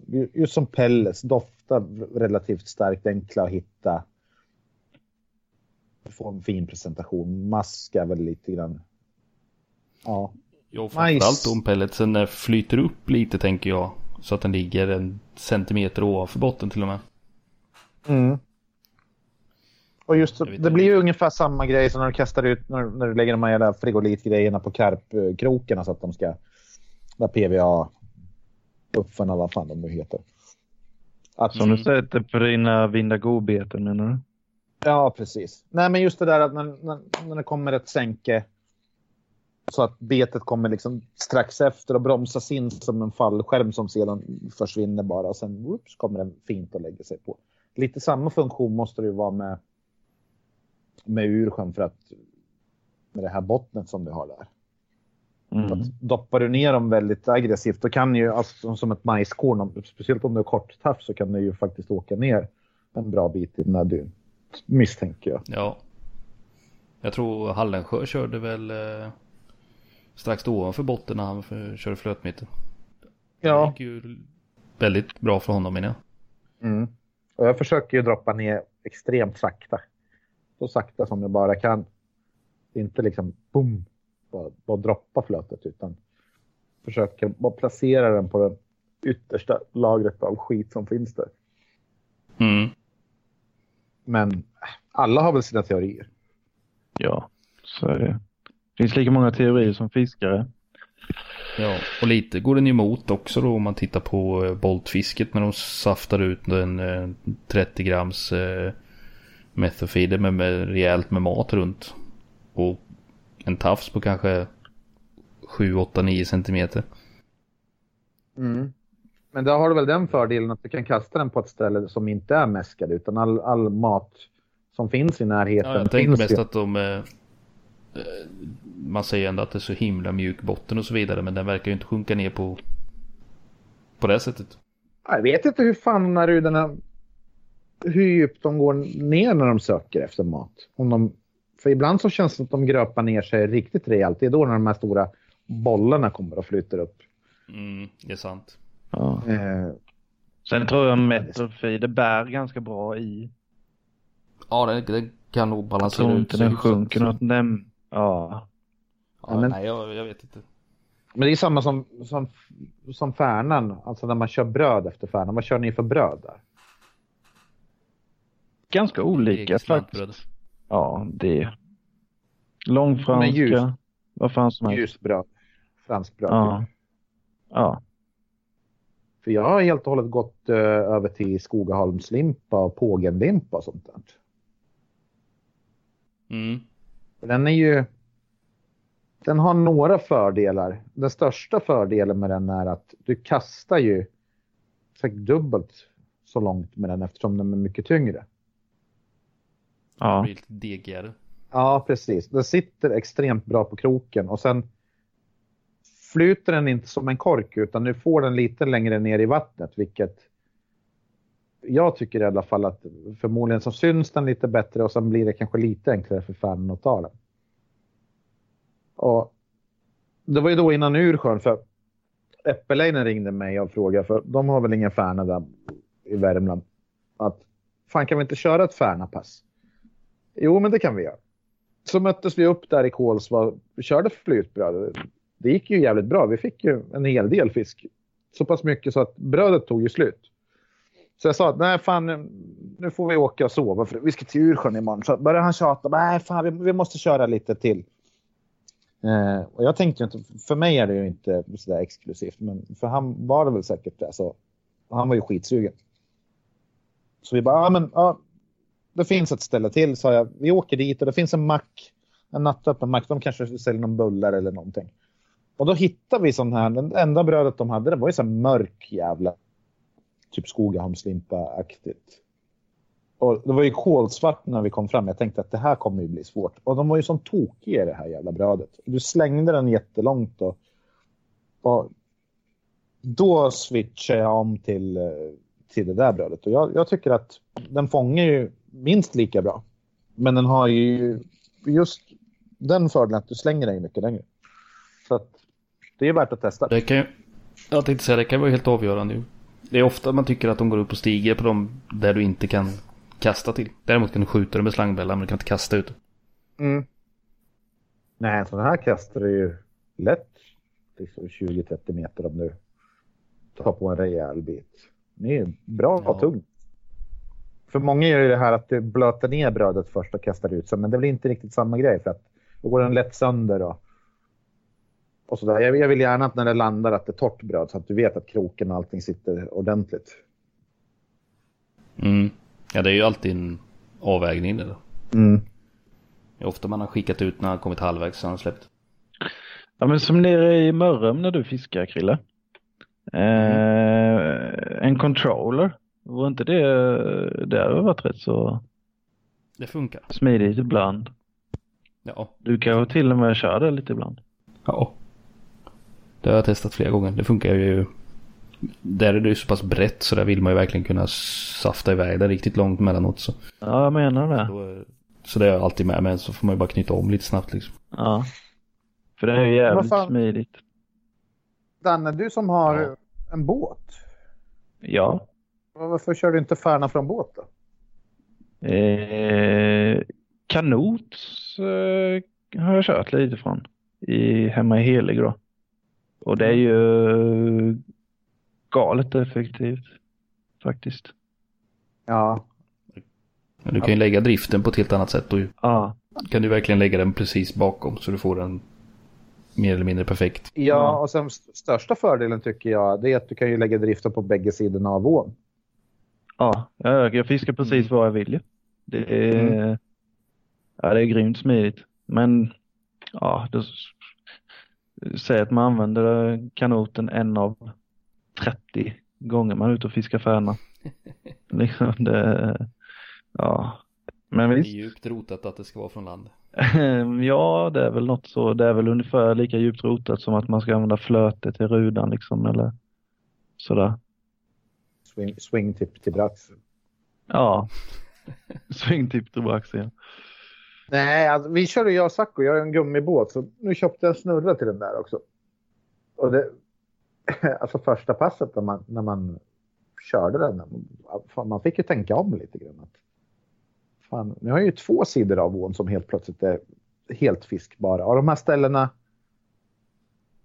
där du inte kan fiska från land, blir så bakvänt på något vis. Att där, du, där du ofta står, det är ju öppet och så. Och sen fiskar du mot en buske eller någonting. Men när du fiskar från båt, då ser till och med de här öppna ställena väldigt heta ut helt plötsligt. För det är ju ofta sådana här lite vikar och grejer och sånt där. Så att man skrämmer nog bort mycket färnor när man knallar ner för en nå på, på backen. Men från båt så blir det ju att de här ställena som du kanske aldrig skulle fiska på, de blir ju fiskbara på ett annat sätt.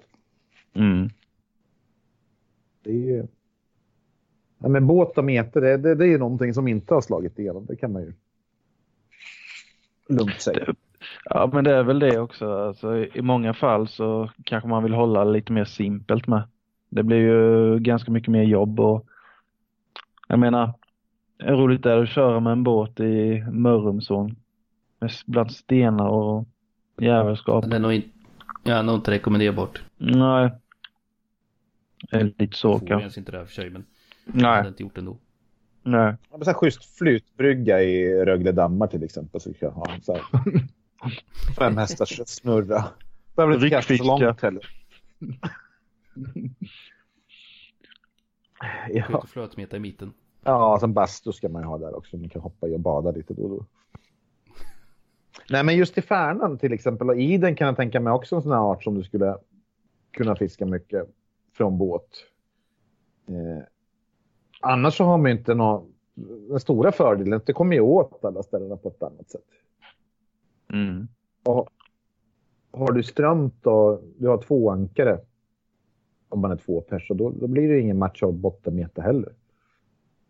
Nej, nej. Det är ingen konstighet. kör. Nej. Så att, eh, nej, det ska jag försöka prova lite mer nästa år i alla fall. Mm. Köra från båt. Vad har vi på agendan för nästa år då? Vad blir det för roligt fiske?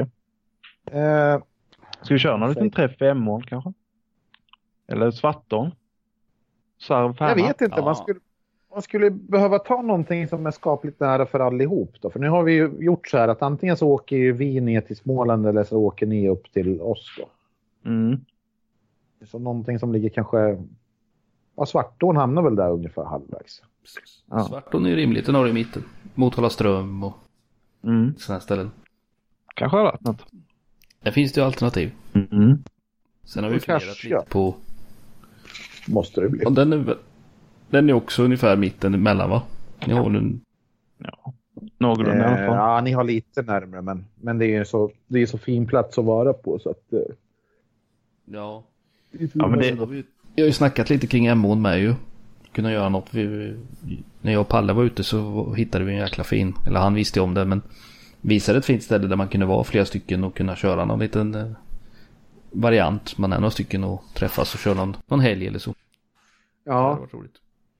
för det engelska stuket, de, de har ju mycket låsta sjöar så att säga. Att du får boka dem eller köpa en ticket eller någonting. Eh, det är väl inte att föredra, alltså i sån skala som de har i England, att så fort du ska fiska så måste du ju i stort sett köa för en fiskeplats eller någonting. Men fördelen med sådana ställen är att man kan boka dem ett gäng. Eh, Mm. som när vi fiskade mycket efter forell och sånt där förut, då kunde man ju boka någon, någon skön sjö och ha så här riktigt köttfiske och fylla frysen och sova i tält och grejer. Men den sociala biten var ju otroligt rolig. För att ingen annan kunde komma dit och man var ett gäng och man kunde lämna sina prylar och gå runt och allt sånt där. Som i Ursjön, där gör man ju så. Alla ställer ju sina prylar borta vid vindskyddet och sen kan man ju gå utan att behöva vara rädd att de ska komma och sno allting. Eh, Men Ja, ja precis. så att eh, ska man ha någonting sånt då blir det ju nästan karp. Då. Jag menar, kampa i Motala ström. Jag vet inte, kan man göra det här liksom 10 pers? Nej, men det går Det finns ju ställen att sova på i Motala, antar jag. Det behöver inte vara vid vattnet.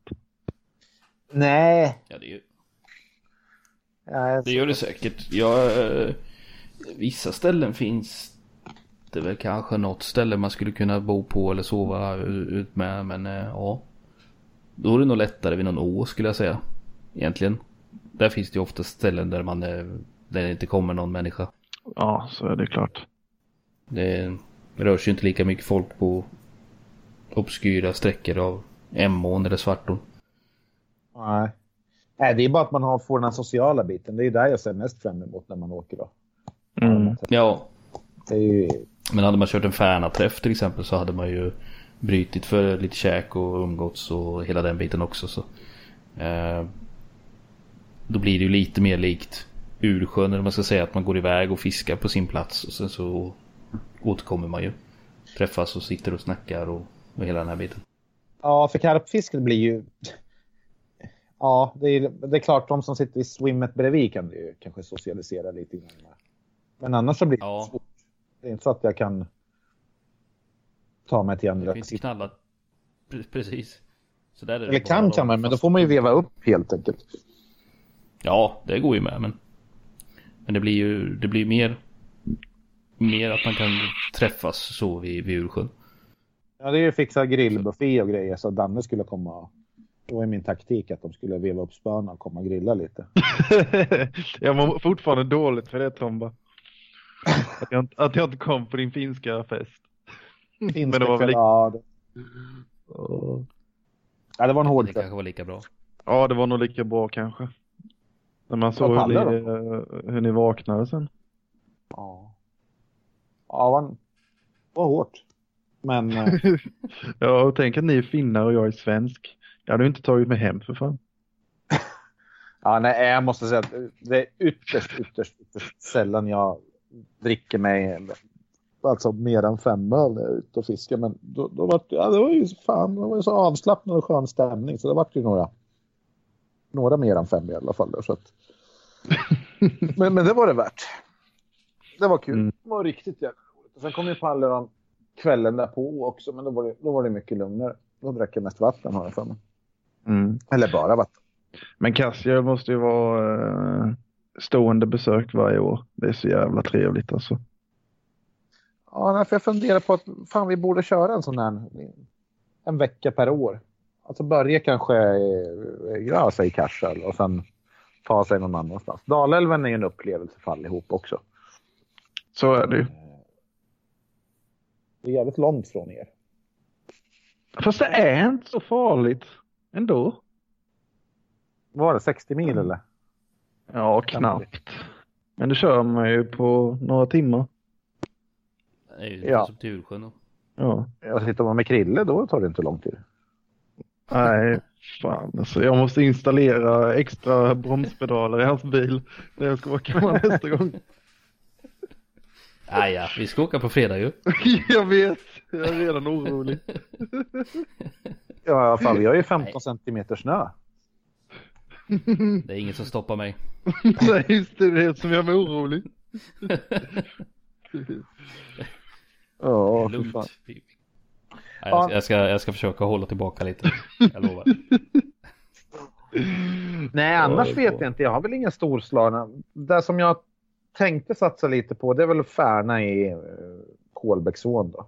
Försöka peta upp någon riktig groving där. Då. Nu har vi lo- lokaliserat några platser som, som innehåller storfisk då. Ja, just det. Så det blir en, en trea därifrån vore häftigt. Men det, Ja, det ja. hade varit coolt. Blir det någon Ja, det- eller? Eller i Etunon? Eller hur har vi pratat om det redan? Jag, jag funderade på, jag körde förbi ån nu, så nu börjar det ju snart bli tider tänkte jag. Ja. Det, det såg jävligt bra ut med ström och allting och det börjar ju bli lite kallt också så att det är nog fan läge att testa kanske vid jul där ifall det är öppet. Eh, sen blir det ju så fort isen släpper så är ju vi ån. Jag brukar vara där. Det är väl bitvis is fortfarande när jag brukar fiska. Det, det är ju riktigt bra tid. Eh, men eh, säger väl inte att det är bästa tiden för mört kanske. Eh, mitt på vintern. Men det som händer är att de, de samlas ju på väldigt begränsade ytor och sen är det ju ofta så att den lite större mörten är nattvillig medan den lite mindre inte är det. Att det, det brukar vara så när den kommer och får du tre, fyra första mörterna, ligger de på fyra hektar eller någonting, då vet du att då har du chans på en stor. Får du Mm. tre på 100 gram, då vet du att då, då är det bara nästan packa och åka hem för att då är småmörten i stöten. Så Hur stora mörtar har ni fångat där nerifrån? Eh, lite drygt 9 hektar. Det är så pass ja. Ja.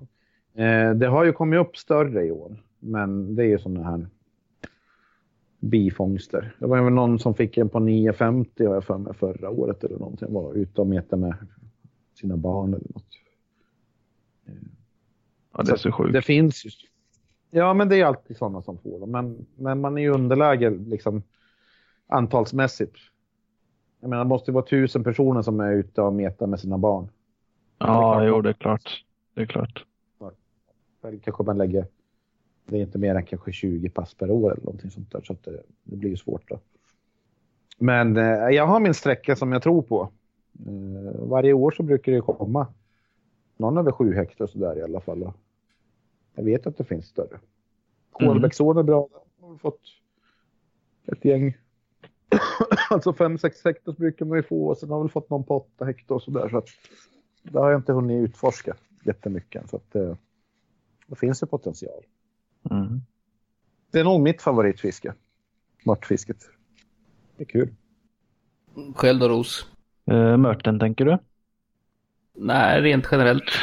Generellt? Ja. Det blir ju lake gädda. Börjar året med. Lite id med Max antagligen om han vill fiska något. Ute i Läckeby och där. Mm, ja. Sen börjar det ju egentligen med färna och lite sådär. Jag säger, tänker varje vinter att nu jävlar, nu ska jag fiska mer karp nästa år. Men eh, det slutar att man lägger 10-15 nätter. Jag vet fan. Så jävla inspirerande är det inte. väldigt tidskrävande med ju. Ja, men då får du ju göra en längre resa helt enkelt. Då blir det kul. Ja, Att karp själv är ju det är väldigt dramatiskt tycker jag. ja, men så är det lite. Nej, men det är väl ungefär så det ser ut. Det är som Ja. kanske lite mört, vem vet. Sarv är jag lite, lite sugen på med. Vi får se hur det blir. Ingen är det väl inte många som fiskar längre. Nej, Länge sedan man gjorde någon sutasatsning. men jag körde lite Antorpa, men uh, Ja just det, du var där någon gång ja. Stämmer. ja. Jäkligt trevlig sjö. Jag vet inte hur fisketrycket är längre där. Faktiskt. Jag tror att det har gått ner rätt så rejält nu. Det har inte kommit upp något vettigt. Om man säger vettigt och vettigt. Men alltså något jättestort så på ett par år nu va? Nej, så är det kanske, men Inget sådär som sticker ut i alla fall. nej. Jag vet inte, har fiskar jag Forsén där, Jörgen Forsén där mycket fortfarande eller? Ja, jag tror inte han har varit där på två år nu kanske. Nej. Som jag, inte som jag har hört i alla fall. Han gör ju annars sådana galna satsningar ju. Ja, han kan ju vara det ett par veckor annars. Ja, vad Det är he- legendariska.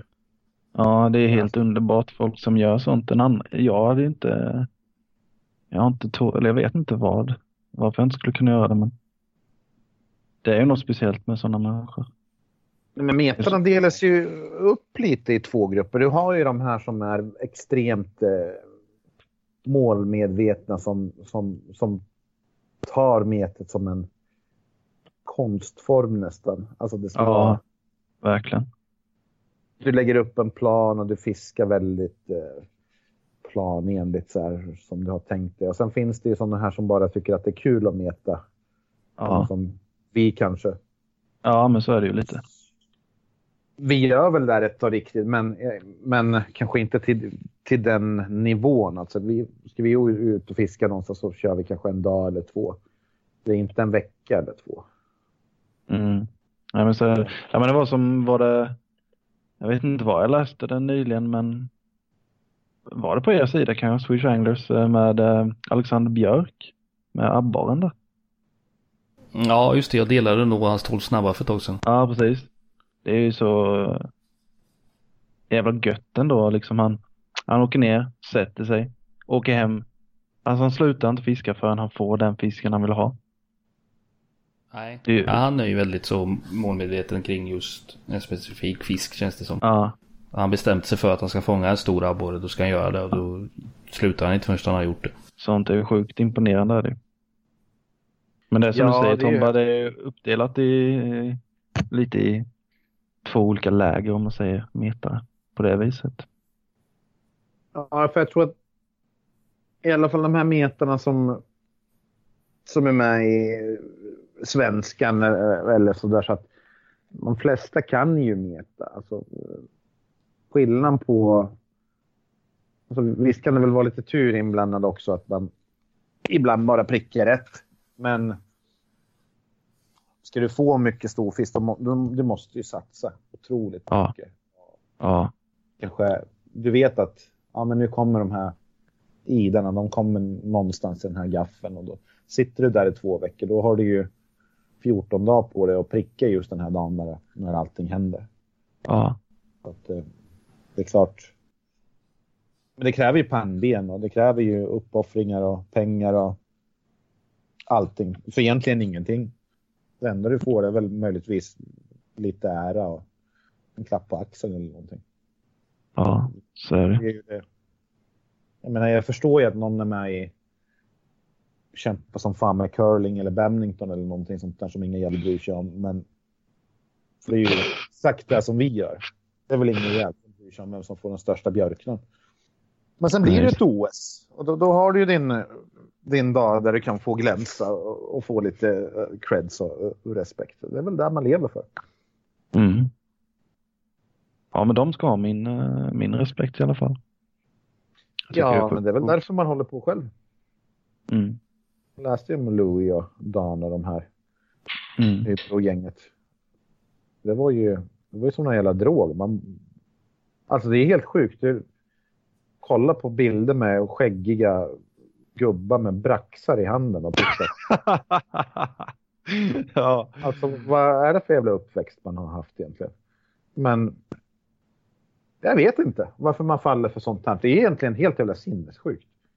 Ja. Men det är kul någonstans. ja, så är det. Det är väl utmaningen. Mm. Om konsten. Alla är väl olika. Det är väl tur det. Det är tur. ja. Ja. Man säger man, man får ju lida för konsten och i det här fallet så stämmer det ju faktiskt. Ja, sannerligen. Men eh, ja, ibland har man ju roligt också. För det mesta. Jag tänkte ju säga det, det har man väl för det mesta. Sen är det bara att folk inte förstår varför. Men man kan ju undra ibland själv också för den delen. Ja, men det är uppdelat i så många olika kategorier här. Så visst tycker jag att det är kul att dra ett skivepass i Kolbäcksån eller någonting efter mört och testa nya ställen. Kanske lyckas få några schyssta martar. Det, det är ju en... Man blir ju glad. Och, och visst är det ju roligt, men sen har man någon karpträff eller någon rydaträff eller någonting sånt. Då, då är det ju roligt på ett annat sätt. Då blir det ju nästan som att fisket är sekundärt. Så att eh, du kan dela upp det här roliga lite grann. Jag skulle inte kunna vara en sån här ensam varg och bara meta med långt grått skägg i all evighet. Utan man, man, man kräver ju li- lite social närvaro också. Mm. Och det är det här kon kontinella eh, metet som man ser i England. Där, där är det mycket sånt där. Att folk träffas. Alltså, det verkar som att ah, nu har jag jobbat en hel jävla vecka i fabriken i Brighton eller någonting. Nu ska jag ut och meta karp. Och sen kommer det 30 gentlemän i samma sits och så sitter de där och ljuger för varandra och grillar och drar upp en karp då och då. Eh, Det känns ju inte som att de är där för att briljera utan de är där för att ha kul. Mm. Sån man vill jag Ja. bli stor. Vi får hoppas att det blir så Tompa. Ja. Ja, dags det här är vara det- slutordet då? Eller har du något mer att tillägga? Nej. Ja, ja men då, då är vi väl nöjda. ja, Eh, jättenöjda. vi har betat av allting och eh, vi får väl avsluta med att tacka Daniel för att du ville vara med. Ja, tack själv för det, det var det lilla.